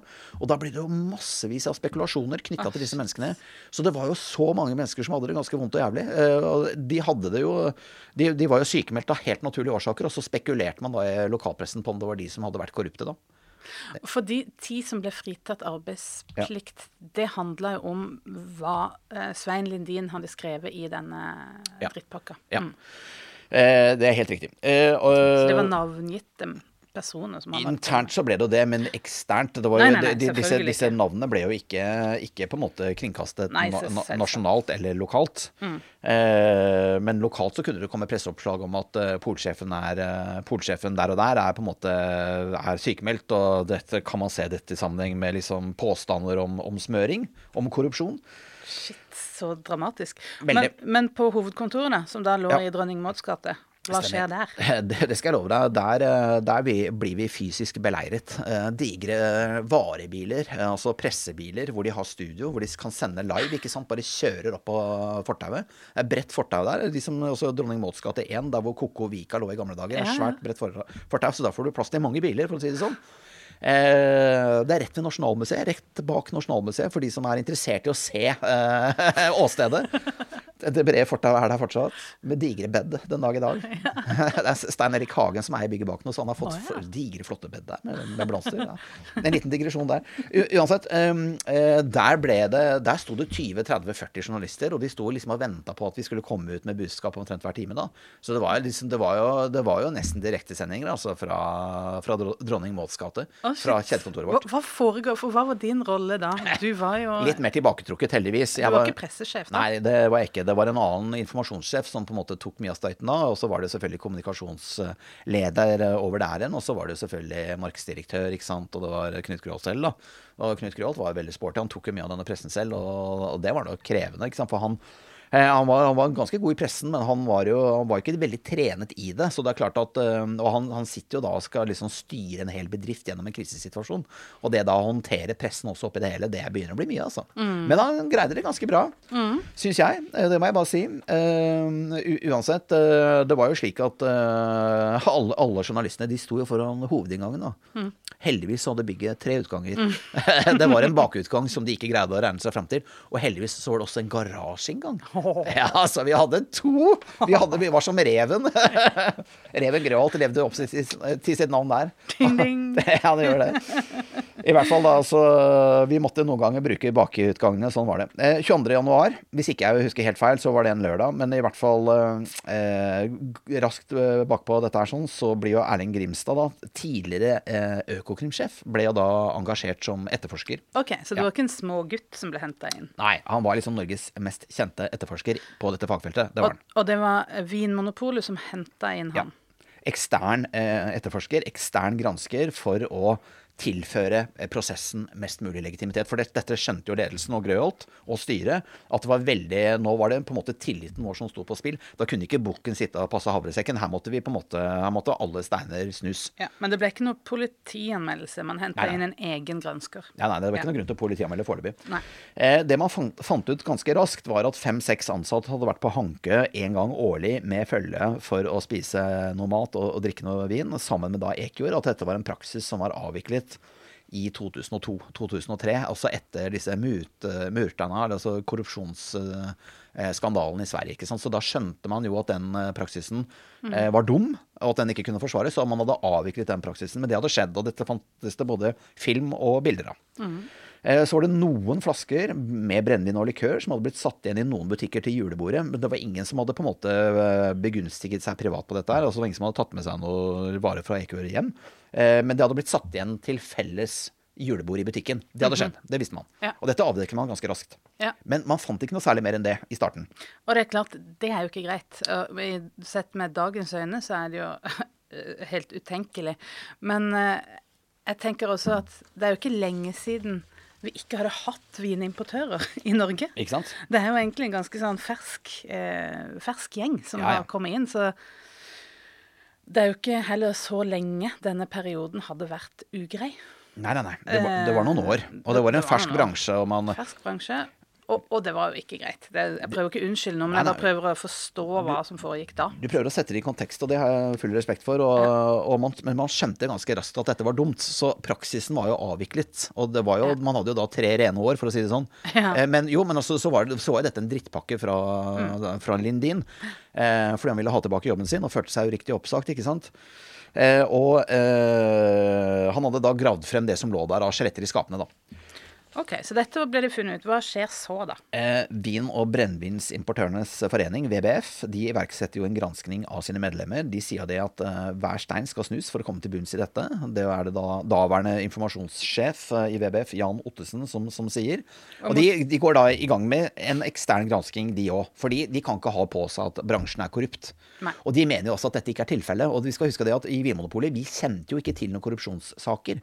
Vi kjente jo ikke til at det var en smøringskultur. Vi kjente, altså Dette var ikke noe vi på kjedekontoret visste om. Det, det var ikke noen rykter som løp i korridorene. Det var heller ikke noe rykte i bransjen, så mange var nok ganske overrasket eh, over at disse påstandene kom. Og det var jo heller ikke så mye å finne, da, heldigvis etter hvert. Men det er klart at vi er jo gjenstand for eh, nasjonal bred pressedekning allerede 24.1 i det som da heter Redaksjon 1. Kan du huske det debattprogrammet med den hvithårede Viggo Johansen? Ja, ja, ja, ja, det husker jeg veldig godt, faktisk. Tidligere fotballspiller, tror jeg, faktisk, på Vålerenga. Ja, ja. Eh, uansett, han var jo debattleder der, og eh, han trommet jo sammen da, det som kunne krype og gå av storheter i vinbransjen, for å si det sånn. Altså allerede da 24. januar 2005 i studio. Åke, Åse Jacobsen hun var daværende vinskribent i VG. ikke sant? Hun er fortsatt en bransjeaktør, hun. Ja, Jan i Ot- aperitiff. Aperitif, ja, ikke sant. Jan Ottesen da, fra VBF, ikke sant. Grøholt selv. Arnkvern, Harald Arnkvern var vår styreleder på den tiden. eh, Høyesterettsadvokaten. Han var jo også, jobbet jo også som jurist i uh, Viselig Hovin, eller hva det heter. Jeg roter nok litt med disse navnene her, altså, men i hvert fall Harald Arnkvern var, var med i studio. Magne Lerøe, eh, ledereksperten, han er jo en sånn han, han er vel redaktør for Ukeavisen Ledelse. Okay. Heter i hvert fall da. Det tror jeg det fortsatt heter nå. Eh, ekspert på ledelse og ledelsesutfordringer var med. Interessant debatt. Den skulle jeg gjerne ha sett. Ja da, og jeg husker den, jeg. Og Arnkvern snakket om at det hadde vært en holdningsendring knyttet til disse tingene i løpet av i næringslivet i forhold til altså, på en måte smøring, turer, eh, ditt og datt og alt mulig sånt. At det var mer aksept eller mindre aksept? mindre, for det, det hadde jo, alle snakket jo om å bygge nettverk. Da jeg gikk på Blindern på 90-tallet, altså, alle var jo helt enige om at det var helt avgjørende for å få seg en jobb at man hadde et nettverk. Jeg har jo aldri tenkt nettverk i det hele tatt. Eh, litt sånn tjukk i huet der, for å si det sånn. Vært lite strateg. Det. Ja, jeg sitter her og babler. Sånn er det, vet du. Eh, Men eh, nei, altså det var Dette med nettverk og nettverksbygging eh, var jo veldig, veldig i vinden en periode. Men så måtte man jo på en måte ikke la det løpe løpsk. Så det hadde jo skjedd en holdningsendring i næringslivet. Og det har Arnkvern helt rett i. at det hadde skjedd en holdningsendring fra 2000 og to, fram til 2005.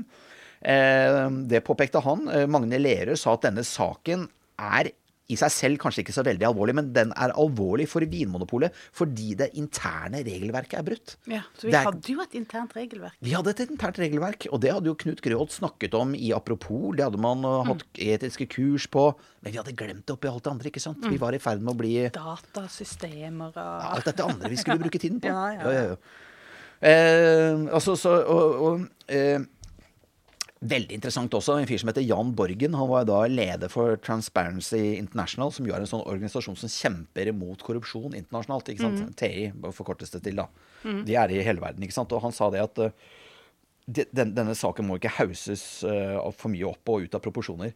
Det er en voldsom heksejakt i polet i disse eh, dagene, eller nå, sa Borgen, Jan Borgen, også leder for Transparency International i Norge. Han sa det i debatten, for han var med i den debatten. Og jeg husker jeg bet meg så innmari merke i det, for at han var jo selve eksperten på korrupsjon. Ja. Og han skjønte allerede da og Vi skal huske på at da sto et fulltallig pressekorps og beleiret kjedekontoret med 40 journalister. Alle skrev om dette her. Grøholt ble Norges mest omtalte person med 5000 eller 6000 omtaler i 2005. Det var en dekning hinsides fornuft. Det var kanskje ikke så mye annet å skrive om. akkurat. kan du si. Eh, men eh, uansett, selveste korrupsjonseksperten Borgen sa det at eh, han skjønte allerede da at det, var, at det nok var litt sånn storm i vannglass. Eh, men det var, det, han snakket jo nesten litt for døve ører. Men jeg husker jeg bet meg merke det. At han, han var en sindig mann med, med, med kort, svart hår og stålbriller, hvis ikke jeg husker feil. han gjorde et sånt eh, revisormessig eh, dypt inntrykk på meg. Jeg, jeg sender en varm tanke til Jan Borgen den dag i dag. Og du ler, du, de frekkasen. Ja, la, let's move on. Let's move on. Ja, vi, vi er altså der, nå er vi, når denne ja. debatten foregår, så er vi bare kommet til 24. januar. Ja. Det er jo bare noen dager siden dette eh, eksploderte. Allikevel så er vi altså eh, topline i eh, landets ledende debattprogram. Hva skjer? Hvordan eh, Politikerne, mener de noe? Ja det skal jeg love deg. Og særlig Fremskrittspartiet. De er jo helt åpne på at de vil legge ned Vinmonopolet. Det har de alltid ønsket, og det ønsker de fortsatt den dag i dag. Alle som blar opp i deres partiprogram, vil jo si at de er mot eh, eksisterende alkoholmonopol. De, de kaller det det. Eh, alle, uansett, den 26. januar 2005 så slår jo da Fremskrittspartiet politisk mynt på Eikør-saken og sier det at eh, Vinmonopolet er en kunstig institusjon, og det er helt unødvendig å ha en monopolordning for omsetning av en lovlig vare. Så de mener jo da, ved Siv Jensen, som var da Hun var vel da kanskje partileder allerede da? Mm, jeg husker ikke. I hvert fall toneangivende. Siv Jensen sa det. Og dette finner man på NRK hvis man går inn og googler, altså. Men eh, legg ned polet, sa de. Valla. Sånn med en gang, liksom. Ja, eller så, de, de slår politisk mynt på det og sier at Ja. nå må vi kvitte oss med dette ryklet. Det er en kunstig ordning, vi vil ikke ha det. Og se nå, liksom, de er Ja. korrupte. Skjønner. Ja, eh, Valla, den eh, mektige fagforeningslederen Gerli Valla, Valla, hun som ikke var pusekatt, vet du. Jeg, var det? jeg har dusja med Gerli Valla. Ja, nå er det du som må holde munn. Det Det, det var helt vanlig offentlig bad, men jeg, den eneste kjendisen jeg har dusja med. Ja, ja, se, se det. Det får bli en ny episode. Kjendiser vi har dusja med. Nok om det, Anne. I hvert fall eh, Valla sier 'rydd opp', sier hun. Det, nå må vi bli kvitt denne ukulturen i bedriften. Og dette sang hun ut da til eh, Oslo Ap og til et samlet eh, nasjonalt pressekorps. Det måtte bli slutt med ulovlige gaver, smøring og korrupsjon i nærings, næringslivet. Så hun bruker jo også dette som en planke til å gjøre seg selv aktuell. ikke sant? Og det er klart at Når Valland og Jensen, når toneangivende personer i norsk samfunnsliv snakker om oss, så dette holder poteten varm. ikke sant? Helt forferdelig for, for vår del. Ja, og det er klart at Vinmonopolet, vi skal ikke ha den type grums. Nei, det, nei, nei, det skal vi ikke ha. Eh, og verre skal det bli, for samme dag, 26. januar, Ja. i Bergens Tidende, Anne, vet du hva som skjer da? Åh, det blir vel mer grums, da. Mer grums. Da er det noen som har plapra til Bergens Tidende. Og er liksom av alle aviser Bergens Tidende. Det er litt pussig at en ny nasjonal nyhet springer der. Men da blir det kjent at Knut Grøholt hadde vært på en Telenor-betalt tur til Sydney-OL. Eh, I altså OL 2000. Sommer-OL. Og la, da må vi være veldig raske og si at det var en altså Knut Krohg hadde veldig mange verv i samfunnet på den tiden. Han satt jo som leder for ulike organisasjoner og hadde på en måte et eh, rikt eh, liv i forhold til eh, samfunnsmessig verv. Mm. Eh, dette var en tur eh, hvor mange næringslivstopper var med. det var en påspandert tur til OL i Sydney. Det var helt åpent. Det var helt åpent. Alle visste at, han, at den turen hadde vært funnet sted. Ja, Og Telenor er jo ikke en, noen som selger vin. Nei, de selger ikke vin. Eh, på ingen måte. Eh, Knut Gruat hadde også forankret den turen med styreleder eh, og, med, og, med, andre som den skulle forankre med ledergruppen, tror jeg. Eh, altså de, Den var forankret med overordnede da han tok den. Han sa at 'jeg har fått dette tilbudet', og, og, og si ja til det. Mm. Eh, så, uh, bare for å gjøre en lang historie kort. Den turen skulle nok ha vært skattet av i, i bakkant, for å si det sånn. Det var problemet. det var problemet. Men mm. det at han var der, og det at han var på denne turen, og det at Knut Gråth hadde veldig mange samfunnsmessige verv, og at en mann eh, som eh, i hans posisjon, at han har et nettverk som han pleier helt åpent, det tenker jeg det er, i mitt hode i hvert fall, helt uproblematisk. Mm. Så vil kanskje noen si at ja, trenger ikke, man trenger ikke å dra til uh, Australia for å pleie det nettverket. men uh, og som sagt, også, det, det, det, var ikke noe galt å dra til Sydney. Nei, men det, det var galt vært, å ikke skatte av det. Det var det. Ja. Uh, og, og det. og, det. var Knut Gråten første til å innrømme da det ble kjent. Mm. Og han hadde ikke tenkt den tanken da, da, han hadde vært der, bare så det var sagt. Men så han sa det. Har jeg gjort en feil? Og liksom det første jeg gjør nå, jeg søker råd hos skattejurister. og jeg skal selvfølgelig gjøre opp for meg. Så liksom den, han kvitterte den på veldig elegant måte da, det, da, det, eh, da, saken skulle ryddes opp i, da, for ja, si det sånn. Nettopp. Men, men, øh, men fall, igjen, da. Det igjen, var bensin på bålet. Dette var bensin på bålet. For noen hadde vært på Hanke, og så hadde Grøholt vært i Sydney. Og det var sånn det ble framstilt. Det var narrativet. Det var liksom hvordan man vinkler det. Det ble noe skittent. Ja, ja. det ble noe skittent. Og det jeg sitter og klør meg i, i, hodet den dag i dag, er hvorfor i all verden springer en sånn nyhet i Bergens Tidende? Var det noen på Vestlandet som kanskje hadde noe hevnmotiv? Og jeg aner ikke. Det er ikke noe retorisk undertone. Jo, men jeg tenker, hvorfor men, i all verden springer nyheten i Bergens Tidende? Men er det noe rarere at den springer der enn noe annet sted? Ja, for dette var jo drevet frem av rikspressen. Sånn at ja, sånn, de, de, hadde mottatt, de hadde mottatt et tips. Det er, liksom, det er, nesten som at uh, nyheten skulle oppstått i Fedrelandsvennen. Ikke noe, ja, om, ikke, ikke, ikke noe vondt om ting fra Kristiansand, Anne, men Men når du sier det på den måten, så skjønner jeg. I hvert fall. Uansett. Det handler da om å gjenvinne tillit til Vinmonopolet, og allerede dagen etter, 27.1, så engasjerer man PwC, altså Price Waterhouse Coopers, eh, eksternt revisorbyrå. Man engasjerer dem for å granske Grøholts reiser. Styreleder Harald Arnkvern overtar det formelle ansvaret for granskingen, siden Grøholt selv nå skal granskes for denne sinneturen. Ok, Så det her er viktig, fordi ja. at Grøholt tar et skritt tilbake ja. og sier nå er det også anklager mot meg, ja. jeg kan ikke være en del av det. Det er helt riktig. Det er et ganske viktig eh, grep som gjøres der. Du har helt rett. For med det så er det da Arnkvern som tar over uh, roret. Ja. Det, er det, det, har du helt rett i. Og, og det er bare én uke etter denne saken har uh, gått i lufta. Det er helt riktig. Og mens uh, den type substansiell informasjon kanskje ikke er det som er mest framme i pannebrasken når det står på, men det, det, er jo kjempeviktig når vi skal lese historien og danne oss et bilde av hva som egentlig skjedde. Mm. For det er dette som på en måte leder fram mot Grøholts fall, dessverre. da. Mm. Eh, men også mest å stå på som verst. ikke sant? Amund Juve, redaktøren, altså sjefsredaktøren i Dagens Næringsliv, uttaler seg. Han sier det allerede her. ikke sant? Det blir vanskelig for Grøholt å fortsette. Harald Tom Nesvik eh, fra Fremskrittspartiet. Jeg lurer på om han var parlamentarisk leder allerede da. Han har i hvert fall vært det senere. En dyktig politiker, altså, kjære vene. Men allerede han sier jo da at Grøholt må trekke seg eh, så lenge granskingen pågår, i hvert fall. Så allerede, altså, Da er Fremskrittspartiet ute for andre gang i løpet av et par dager og se politisk mynt på dette her, ikke sant. Mm. Jan Borgen, fra vår venn fra Transparency International Han med stålinnfatninga? han med det korte, tillitsvekkende svarte håret og stålinnfatningen sier at uh, dette begynner å nærme seg ulvejakt, sier han. Revejakt ville vi kalt det. Men... vi ville kalt det revejakt. Det ville vi. Så det, eh, 3. 3. Januar, 3. februar eh, altså Ting roer seg litt etter dette, heldigvis. Da, men også, da legges det jo eh, resultatet, foreløpige resultatet frem av granskningen eh, fremfor styret og Grøholt. Eh, Grimstad, Erling Grimstad som legger fram, fram dette. Man har ingen konklusjoner, men man har ikke funnet noe galt. Eh, utover de der turene til Hanke og disse flaskene med brennevin og likør som har blitt satt hjem ja, til mm. julebordet. Og da, da, snakker vi om liksom to-tre flasker i en butikk. ikke sant? Og så, og så, skjedde det kanskje i noen butikker. da. Mm. To, tre, fire butikker.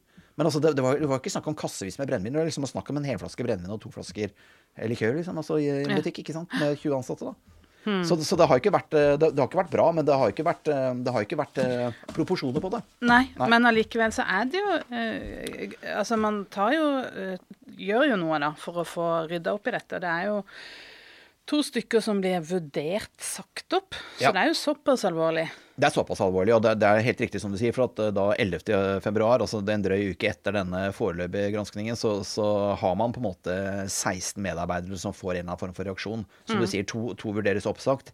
Tre kan få endringsoppsigelse. Fire skal få en skriftlig advarsel. To blir frikjent, og tre hadde sluttet siden, siden da dette hadde skjedd i 2002-2003. ikke sant? Og én var uavklart. Eh, Den 11. februar så har da et samlet styre fortsatt tillit til Grøholt, og som igjen overtar ansvaret for granskingen. Han gjør det. Så han er tilbake igjen nå, da. Tilbake igjen på jobb. Og arbeids- og sosialminister Dagfinn Høybråten er eh, orientert selvfølgelig til enhver tid. Altså, her, er jo, her er man jo på en måte i daglig dialog, nesten vil jeg tro, med, med minister og den type ting. ikke sant? Så mye oppmerksomhet for denne saken. Ja. Eh, men støtter da styrets arbeid, og ting begynner å roe seg litt. Og så syns jeg det er litt fint da å kunne avslutte denne akt 1, første akt, med noe av Øyvind Ruud, som var daværende nestleder på Kolsås, Poli Kolsås. Han hadde 32 års erfaring i bedriften. Han sa det til Apropol, til internavisen, og han sa det at heldigvis fikk vi beholde Knut Grøholt. Han er den beste administrerende direktør vi noensinne har hatt, sa han. Og jeg bet meg merke det da jeg bladde i gamle nummer av Apropol nå i, av, i forkant av denne innspillingen her. For jeg er så hjertens enig med Øyvind Ruud. Uh, det han sa i 2005. For det jeg har brukt 20, eller det vi har brukt 20 episoder i historiepodkasten på en måte å skjønne, det forsto han intuitivt i 2005. Ja, og så syns jeg også det sier noe om at folk føler at dette er nå avslutta. Ja. Og dette var jo altså da 11. februar. Dette var 11. februar. Eller i hvert fall første det, det, Dette sitatet ditt var jo altså da første nummeret av Apropol. Ja. Så det er jo ganske tidlig på året, da. Det er ganske tidlig på året. Og man føler OK, det har vært storm, Ja. og vi kommer gjennom det, og tenker at det er avslutta. Men, men. Men nei, det skal bli verre. Og Vi går nå- inn i andre akt. Og nå øker musikken eh, Nå øker musikken din, eh, Anne. Ah, andre akt. Vi kaller det stillingskrig. Og intern murring. Ja, og internmurring. Ja. Yes, det er ikke spøk, altså. OK. Eh, Hva skjer? Erling Grimstad legger fram en ny foreløpig rapport. Han har da dykket enda dypere inn i materien og finner fortsatt ikke noe mer enn disse hanketurene og disse flaskene satt igjen i noen butikker. Så Ja. det er liksom ting begynner å roe seg. Ja, så han har kommet med en eh, foreløpig Ja, eh, rapport, og så fortsetter han å og, og sier at det er fortsetter gransinga, men ingenting alvorlig avdekka. Og Erling Grimstad skal jo fortsatt uh, levere rapporter til oss. Han gransker jo her uh, så, så busta fyker, for å si det sånn. Han skal, jo, han skal jo granske og granske helt fram til mai-juni. ikke sant? Da gi og komme rapporter på løpende bånd. Men det er så stor interesse for dette at man kan ikke da vente til mai med å få eh, rapporten. Så han tar jo liksom tema for tema. Han stykker vel og kuen, da, som han sier. ikke sant? Og så tar han halen først, og så beina. ikke sant? Og skal ende med snuten. da, ikke sant? Så det, dette blir jo et, et, et arbeid hvor han presenterer kapitler. da, ikke sant? Delproblemstillinger. Dykker dypere ned i materien for uh, rapport til rapport. Tar sektor for sektor. Ja. Avdeling for avdeling.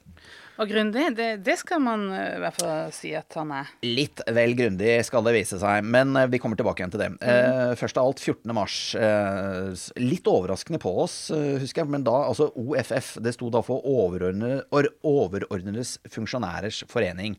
Det er da en av fagforeningene. I Vinmonopolet. I Vinmonopolet, internt. Er, vi har to store fagforeninger. Vi har tre, men det er to store. Det er FKV, som er en del av Handel og Kontor. Eh, De heter fortsatt FKV, og het FKV da. Funksjonærklubben uh, Vinmonopolet står for. Ja. OFF, uh, ja, det definerte jeg akkurat, det har nå blitt til AV. Det er en del av akademikerne nå ikke sant, i Vinmonopolet. Men det er typisk da kontoransatte og butikksjefer uh, som uh, da er medlemmer i OFF, mens mer kall det eh, butikkansatte eh, er medlemmer i eh, FKV. Så FKV er jo mye større i antall. Eh, uansett, OFF de sier det at eh, vi har mistet litt til Knut Grålt. Vi eh, vil ikke at han skal fortsette som administrerende direktør. Eh, det er ulike grunner til det. Eh, de var sure for at de ikke hadde blitt lyttet til i prosessen. Eh, de mente at ledelsen, med Grålt i spissen, hadde, hadde hatt en feil strategi i forhold til straffereaksjonene for de ansatte. Eh, det, man ville for enhver pris unngå arbeidsrettssaker. Nå ble det vel heller ikke det, eller det skal jeg på en måte ikke være for bastant på nå, men altså de, de ville i hvert fall ha mindre konfrontasjon enn det ledelsen hadde, hadde brukt. eh, de mente at ledelsen i for stor grad hadde Eller i for liten grad hadde- bedrevet skjønnsutøvelse. De mente at de i for stor grad hadde på en måte lyttet til styrets litt sånn strenge bestillinger på straffereaksjon. Eh, de var sure for at et intervju med fagforeningstoppene var eh, sensurert i uh, internavisen Apropol. Det var ikke hele intervjuet sensurert, men det var noen setninger som kanskje noen hadde strøket, og det ville de ikke ha. Så når, når først de ble strøket på noe, så bare tok de og trakk hele intervjuet. Så det lå murra.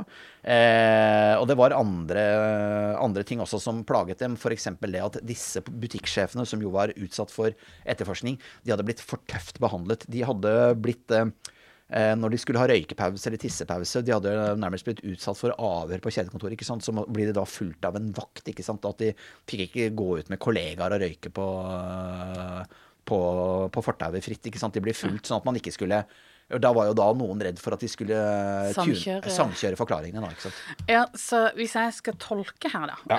eh, for dette blir jo min tolkning, Ja. så, så handler det om at fagforeningene eh, som representerer kontorfolket Og butikksjefene. og butikksjefer, Ja.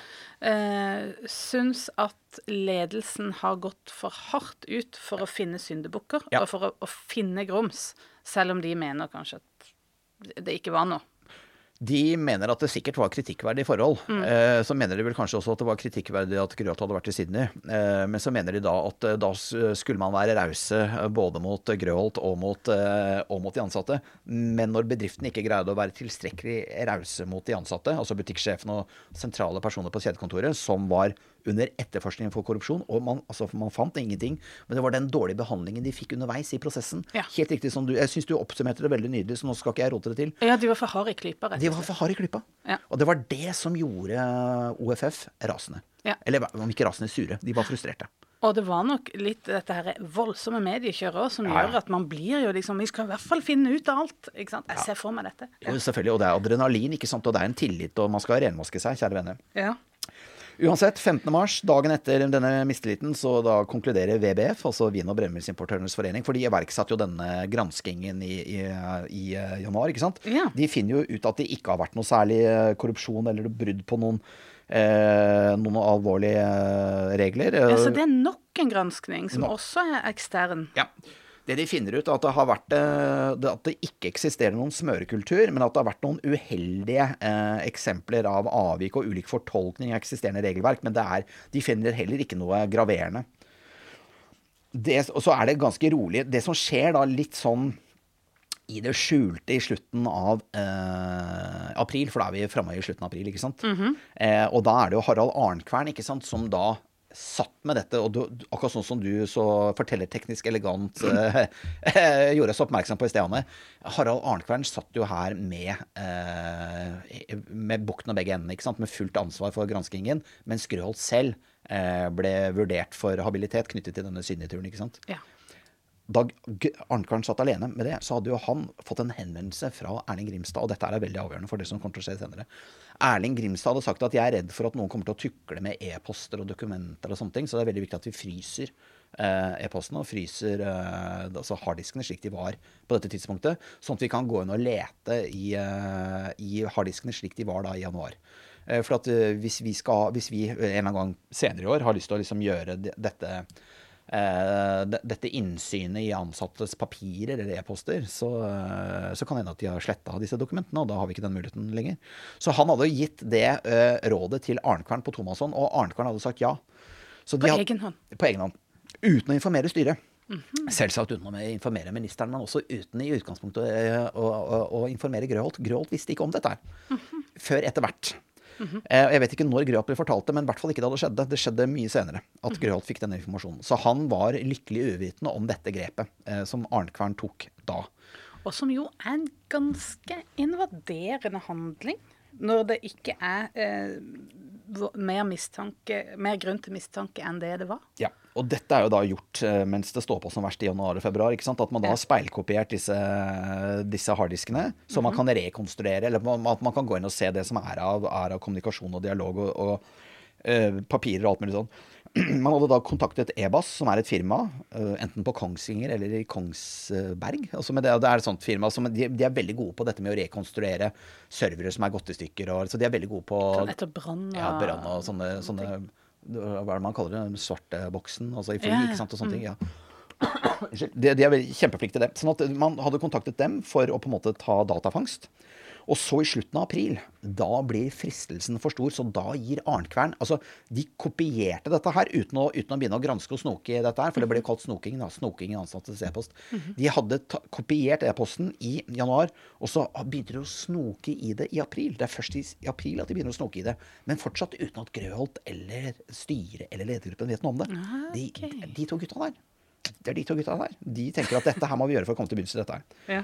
Eh, og så snokes det jo da i denne e-posten. Eh, eh, uten, eh, Uten at de fant noe. uten at de fant noe. Eh, selv om de på en måte snoket i historisk e-post som da ikke var slettet. Altså, så man fant ikke noe da heller. Ja. Og det er klart at da begynner mistanken mot de mistenkte å, å, å bli veldig svak, da. Begynner å falle med. Begynner å falle med i veldig stor grad.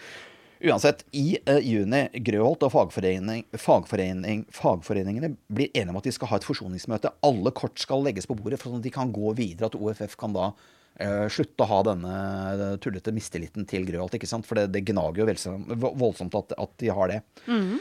Knut Grøholt legger jo da kortene på bordet. Men, og han, han er på det daværende tidspunkt kjent med at Arnkvern har iverksatt en snoking. Å, da burde han ha lagt det på bordet. Samtidig så vet jeg at Gråt selv oppfattet ikke at han skulle redegjøre for Arnkarns handlinger, han skulle redegjøre for sine egne handlinger. Og det var det han gjorde. Han redegjorde for hva han selv hadde gjort. Ehm, uten, å, uten å vite det, men jeg kan jo godt tenke meg at det er veldig mye en administrerende direktør får høre opp igjennom.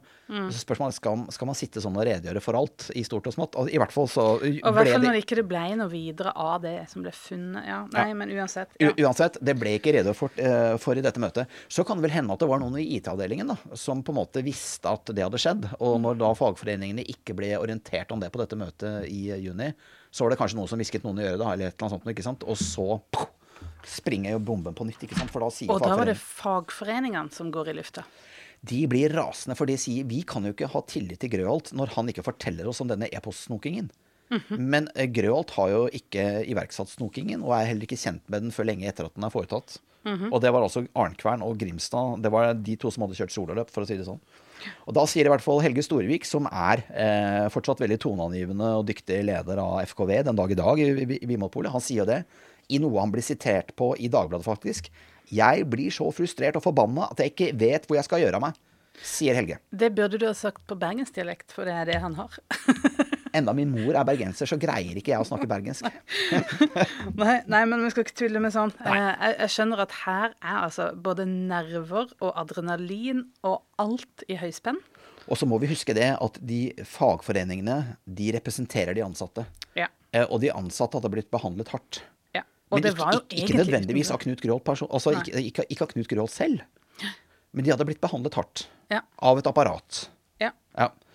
Eh, I hvert fall så tar Knut Gråholt han tar selvkritikk, han. Eh, og eh, sender en e-post til de ansatte i den, den 4. juli, og så sier han at jeg beklager. Jeg, I ettertid så ser jeg at jeg burde ha informert fagforeningen om dette. Han legger seg flatt. Han gjør det. Eh, men det er ikke nok for FKV, altså Funksjonærforeningen. Eh, de tar dette videre med Handel og Kontor, for de er underordnet Handel og Kontor, altså fagforeningen Handel og Kontor. ja, så 4. juli så sender han den e-posten, og så Ja. lar de sommeren gå. Så lar de sommeren gå, de Og så sover på det. det. De sover på det noen vakre sommernetter, men det Ja. hjelper, det hjelper ikke.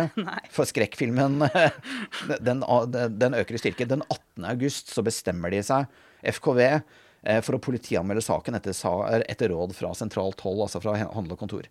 Så saken oversendes uh, Datatilsynet fordi de mener at det er lovbrudd uh, å snoke de ansattes e-post på den måten. Så nå har jo saken tatt en helt annen vending. Det har jo fjerna seg helt fra det det var i utgangspunktet. Ja. Det er jo ikke lenger en korrupsjonssak. Nå Nei. handler det om Snoking i e-post. ja, privat Hva heter det? Privatlivets fred? Nei. Jo, Jo, jo. ja, det da. er egentlig det. Ja, ja, og, og det er jo ganske nytt ø, fordi at e-post har jo ikke vært eh, Eller ja, du hadde jo telefax, men du Ja. hadde jo ikke e-post var jo ikke så mye brukt. Og denne saken danner også presedens, tror jeg, også på en eller annen måte, uten at jeg har satt meg så veldig nøye inn i det. Men Ja. uh, det, det, dette, dette, denne saken blir en slags prøvesten. Da Mm. Ansatte i Norge har et vern i forhold til e-post. Altså eh, Bedrifter kan ikke snoke de ansattes e-post Nei, hvem eier e-posten, liksom? etter dette. Ja. I hvert Vi er da over i siste akt, Ja. og det har den litt sørgelige tittelen 'Mannefall'. Eskalering av mannefall, Anne. Virkelig. Ai, ai, ai, ai. 19.10. For la oss ta kronologien her. Vi får bli litt matematiske her på slutten av episoden. Men altså Ja. den 19.10. Datatilsynet, som har fått saken fra Handel og Kontor, og FKV, de sier det. Dette må vi sende til politiet. Vi politianmelder Vimopolet for overtredelse av personopplysningsloven. Ja. Det er skjedd den 19. oktober. 19. oktober. Så nå er det jo altså gått ganske lang tid fra dette her eh, dramaet i januar. Og da skjønner jo han som iverksatte hele dette apparatet, nemlig Arnkvern selv. Eh, advokat Arnkvern skjønner jo det at det begynner å brenne under føttene hans. Så han er ikke så veldig sein med å trekke seg som styreleder. Det gjør han allerede den 27.10. Da har han sovet på den drøye uke, og så tenker han at dette her Ja. går ikke. Og jeg husker han sa det eh, på radio, eller på, jeg tror det var i media. Han sa det at eh, jeg har vært styreleder i Vinmonopolet i ti år. De første ni årene var helt fantastisk bra og fantastisk interessante. Det siste året har vært tøft. Jeg, jeg orker ikke mer, og så stakk han. ja, det var det han sa. Ja. Omtrent. Litt sånn fritt sitert, men jeg husker at han sa det. ja. Da eh, sier også begge fagforeningene eh, at det er naturlig, altså både FKV og OFF sier at det er naturlig at Grøholt går siden Arnkvern har gått. Eh, og dette er jo da utspill i media hvor de krever dette, og det er ganske hard og uforsonlig ordbruk. Eh, de, altså Fagforeningene greier ikke å forsone seg med eh, at ledelsen har på en måte eh, behandlet dem som de har gjort. Eh, men Grøholt har fortsatt troen, og han skriver det at han håper at vi kan lappe sammen og skape tillit igjen. Eh, og han har også et møte med Sylvia Brystad, daværende sosialminister, for her, har det jo vært et valg imellom, og, og vi har fått ny sosialminister, ny regjering. Eh, tar et møte med Brystad, og jeg, Grøholt er, har troa så seint som i slutten av oktober, altså. Akkurat. Så får vi da 4. november, så får vi ny styreleder. Ja. Et litt sånn kvinne... Hvis vi nå tar et sånt lite kvinneperspektiv på det, så det er, det er, vi får vår første kvinnelige styreleder. Det var altså i 2005. 2005. Og det måtte en mannlig fallitt til for, å- for, at, for at det skulle bli en kvinne. Måtte hente inn reservelag, er det det du sier? Si, nei, nei, nei, på ingen måte. Men det, det, da, var, da ville man ha en kvinne ved roret, og det var den meget dyktige og habile styrelederen Siri B. Hatlen. Hun er jo, eller Hatlen. Hun er jo fortsatt uh, still going strong. Hun en, har vært en betydelig uh, styregrossist uh, rundt omkring i landet. Hun, hun tok jo dette vervet og var det i noen år. Og markerer sånn sett et tidsskille uh, i styreledertradisjonen til Vinmonopolet. For etter det, etter 2005, så har vi bare hatt kvinnelige styreledere. Uh, Hilmata Solberg eh, satt jo lenge, og nå har vi Ellen Seip. Ja, Ja. se det. Eh, den tidligere departementstoppen Ellen Seip. Eh, meget dyktige damer alt sammen. Men vi må tilbake til drama. Vi må det. Eh, Altså, eh, Arnt Kvern har gått av. Ja. Grøholt har fremdeles troa. Men eh, det skal bli verre, for den 31. oktober, bare fire dager etter at eh, Arnkvern går, eh, så politianmelder eh, Handel og Kontor, altså, det, det, altså eh, instansen over FKV. Altså, nå, nå er vi liksom på Handel og Kontor i selve Norge. Mothership, liksom. The Mothership. Bra, takk. De anbefaler Nei, unnskyld. De, eh, de anmelder eh, De anmelder Vinmonopolet til politiet. Eh, særlig Erling Grimstad og Arnkvern. Og nå vil jeg bare lese en tekst fra NRK. eh, for, med utspill fra, fra HK. Eh, fordi de sier det at eh, Det er da særlig Arnkvern som trakk seg forrige uke, og smøregransker Erling, Erling Grimstad som bør gjennomgås grundigere. Eh, under granskingen av den såkalte smøresaken ble nemlig harddisker diskutert og, og e-poster rekonstruert og gjennomgått. Og så sier de da, etter HKs oppfatning Og dette er da, en dame eh, som heter Karin Solum i Handel og Kontor, og man kan finne dette i NRK hvis man googler.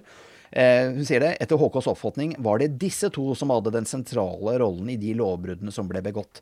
Som en følge av at administrerende direktør Knut Groth selv var under gransking, hadde han en mer perifer rolle, sier hun. Eh, og som fagforening, eller som fagforbund, mener vi det er riktig å ha fokus eh, direkte på de som faktisk utførte eh, de anmeldte handlingene. Det var Grimstad som ekstern gransker som anmodet Arnkvern om å ta de nødvendige speilkopier av de tre serverne, og dermed kopiere de ansattes til e-post. HK mener at disse to må ansvarliggjøres for lovbruddene, sier Solum.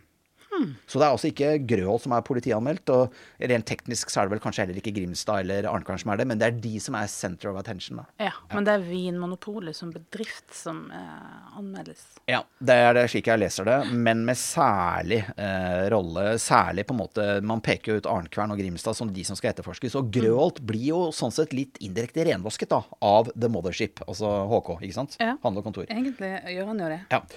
Uansett, det må ha vært en tøff måned for Knut dette her, november 2005. For at den eh, 2. desember 2012 så blir det kjent at eh, Knut Grøholt har bestemt seg for å slutte. Eh, han, men han blir sittende ut året, sånn at man skal få en smooth overgang. Og da har jeg tatt med her eh, og, og en av oss må lese det, Anne, men jeg har tatt med det sitatet Knut har i pressemeldingen som han sender ut til Norge eh, den 2. desember. For det er litt fint, det han sier. Ja. Du må gjerne lese du hvis du vil. Skal jeg lese? Yes. Selv om det er du som liksom er Greholt. Ja, skal jeg Ja, hvis du har lyst. Ja, det er klart det. Ja, bra. Uh, ut fra ønsket om å bidra til å skape ro rundt Vinmonopolet, fratrer jeg stillingen som administrerende direktør. Vinmonopolet er en viktig samfunnsinstitusjon, og jeg identifiserer meg sterkt med Vinmonopolets helse- og sosialpolitiske grunnlag. Jeg har stor respekt for de ansatte i Vinmonopolet. De har stor kompetanse og gjør sin jobb med et utrolig engasjement. Vinmonopolet har vært gjennom en stor omstilling, og jeg er stolt av det vi har gjennomført i løpet av de siste ti årene ved å gjøre virksomheten mer kundeorientert. Når jeg nå har bedt om avløsning, er det ingen ønsket beslutning, men et resultat av en nøktern vurdering av hva som i den rådende situasjon kan være best for Vinmonopolet, sier Knut Grøholt. Og det er jo altså da eh, veldig eh, En veldig ærlig eh, pressemelding. Ja, det er det. Og jeg tenker at det er dette Det er her, det, det er her vi også blir litt triste. Men det er, det er, jo, det er jo jo en episk storhet i dette også. Men han, Knut Grøholt trekker seg jo eh, som leder. Altså den mest suksessrike og den viktigste personen i Vimopols historie trekker seg fra stillingen som administrerende direktør for å skape ro i bedriften og ha kjærlighet til den bedriften han har berget.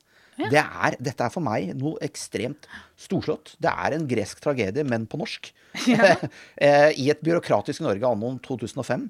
Og slik jeg ser det, så må Knut Grøholt betale handlingene som er utført av Svein Lindin, Erling Grimstad og Harald Arnkvern, for å si det sånn.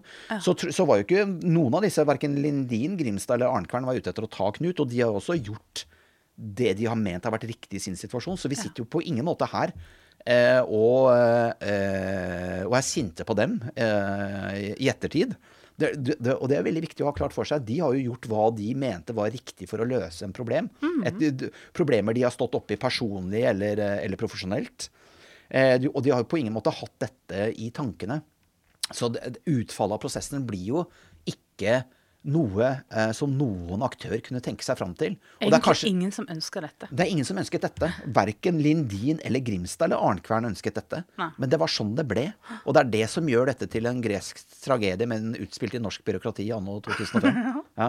Det er sant. Men du var jo eh, Ja. på kontoret sammen Ja. med, med Grøholt disse siste månedene.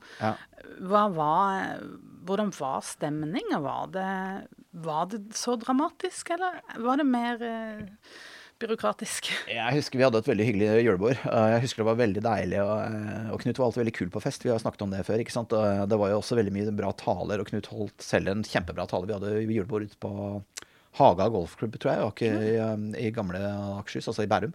Eh, Og veldig fint julebord. Og han var jo veldig godt likt av folk, ikke sant. Så, og han, eh, han var jo ikke noe Han satt jo ikke Han hang jo ikke med geipen. Eh, han sa jo på denne pressekonferansen hvor han på en måte fratrådde, så hadde han jo Og det, dette var en nasjonal pressekonferanse. Da, eh, da hadde han sagt at han skulle på en måte bistå bedriften i en overgangsfase. Han skulle også gi råd om hvem som, hvem som burde søke stillingen etter han, sa han. Og, jeg, og da sa han da med et skjevt smil om munnen til et eh, fulltallig norsk pressekorps da, at eh, Og jeg skal selv ikke søke på stillingen, sa han. Og da hadde jo alle ledd, for det var en icebreaker. Så han greide faktisk å tulle med det der og da, når, når det skjedde. Nei, du, altså, jeg tror at eh, Knuts måte å håndtere dette på gjorde at man eh, greide å ha hodet over vann. Eh, jeg opplevde ikke noe sånn bitterhet eller noe surmuling fra han. Jeg husker at jeg var seint på kontoret den dagen han rydda kontoret, altså fysisk, i, i byen. Og da stakk jeg bortom han og sa det til han at uh, dette er veldig ufortjent, så husker jeg sa. Uh, dette, det, var, det var ikke sånn det burde ende. Uh, jeg, og da takket han pent for det. Uh, jeg, jeg tror veldig mange var slitne. Jeg tror veldig mange, altså for Vi hadde hatt et år som var ganske ille, og det hadde på en måte slipt ned mye tillit, eh, eller i hvert fall for oss som jobbet på kjedekontoret. For at vi skal huske det at også folk flest, eh, kundene våre, de forholder seg jo til de flinke folka i butikk. Så dette var jo en krise som mer var i det politisk-administrative, mediemessige miljø. Det var ikke noe krise ute i butikk. Logistikken gikk jo som det skulle. Det var nyhetslansering, det var varer. Det var ikke noen tomme hyller. altså Varene var jo forkjøpt. ikke sant? Folka var jo like flinke i butikk som de alltid har vært. Både før og senere. ikke sant? Sånn at det var, Kundene opplevde ikke noe krise, og denne krisen ble nedfelt seg ikke i noe sånn veldig sånn ned altså Vi gikk ikke noe ned på noen sånne barometer og sånn. Eh, så, så dette var mer en sånn eh, politisk, administrativ, eh, byråkratisk, mediemessig krise. Veldig tøff for den, eh, den den berørte. Ikke minst for Knut selv, som ble, som jeg sa det i sted, landets mest omtalte person i 2005. Tenk det! Landets mest omtalte person. det- Vi snakker om i hvert fall 5000, opp mot 6000 unike saker om han. Er helt vilt. Ja, det krever sterk bærende sånn. Men ja. Vi, er, vi nærmer oss slutten nå, men vi kan, jo, vi kan jo avsløre det, Anne. Vi har jo en fantastisk presang til lytterne i neste episode. Ja, vi har det. Ja. For nå, med denne episoden, Ja. så har vi jo snakka eh, eh, Grøholt på en måte ferdig. Ja. Eh, så nå syns vi egentlig det er på tide å gi ordet til Grøholt. Selv. Ja. Ja. Himself. Vi har fått kontakt med han. Eh, Neste episode så er det han som skal komme og eh, fortelle sin eh, del av historien. Det er bare å glede seg. Takk for at du hører på Vinmonopolets podkast. Har du forslag til et tema i podkasten? Send mail til podkast at vinmonopolet.no. I tillegg svarer kundesenteret deg på e-post, chat og telefon.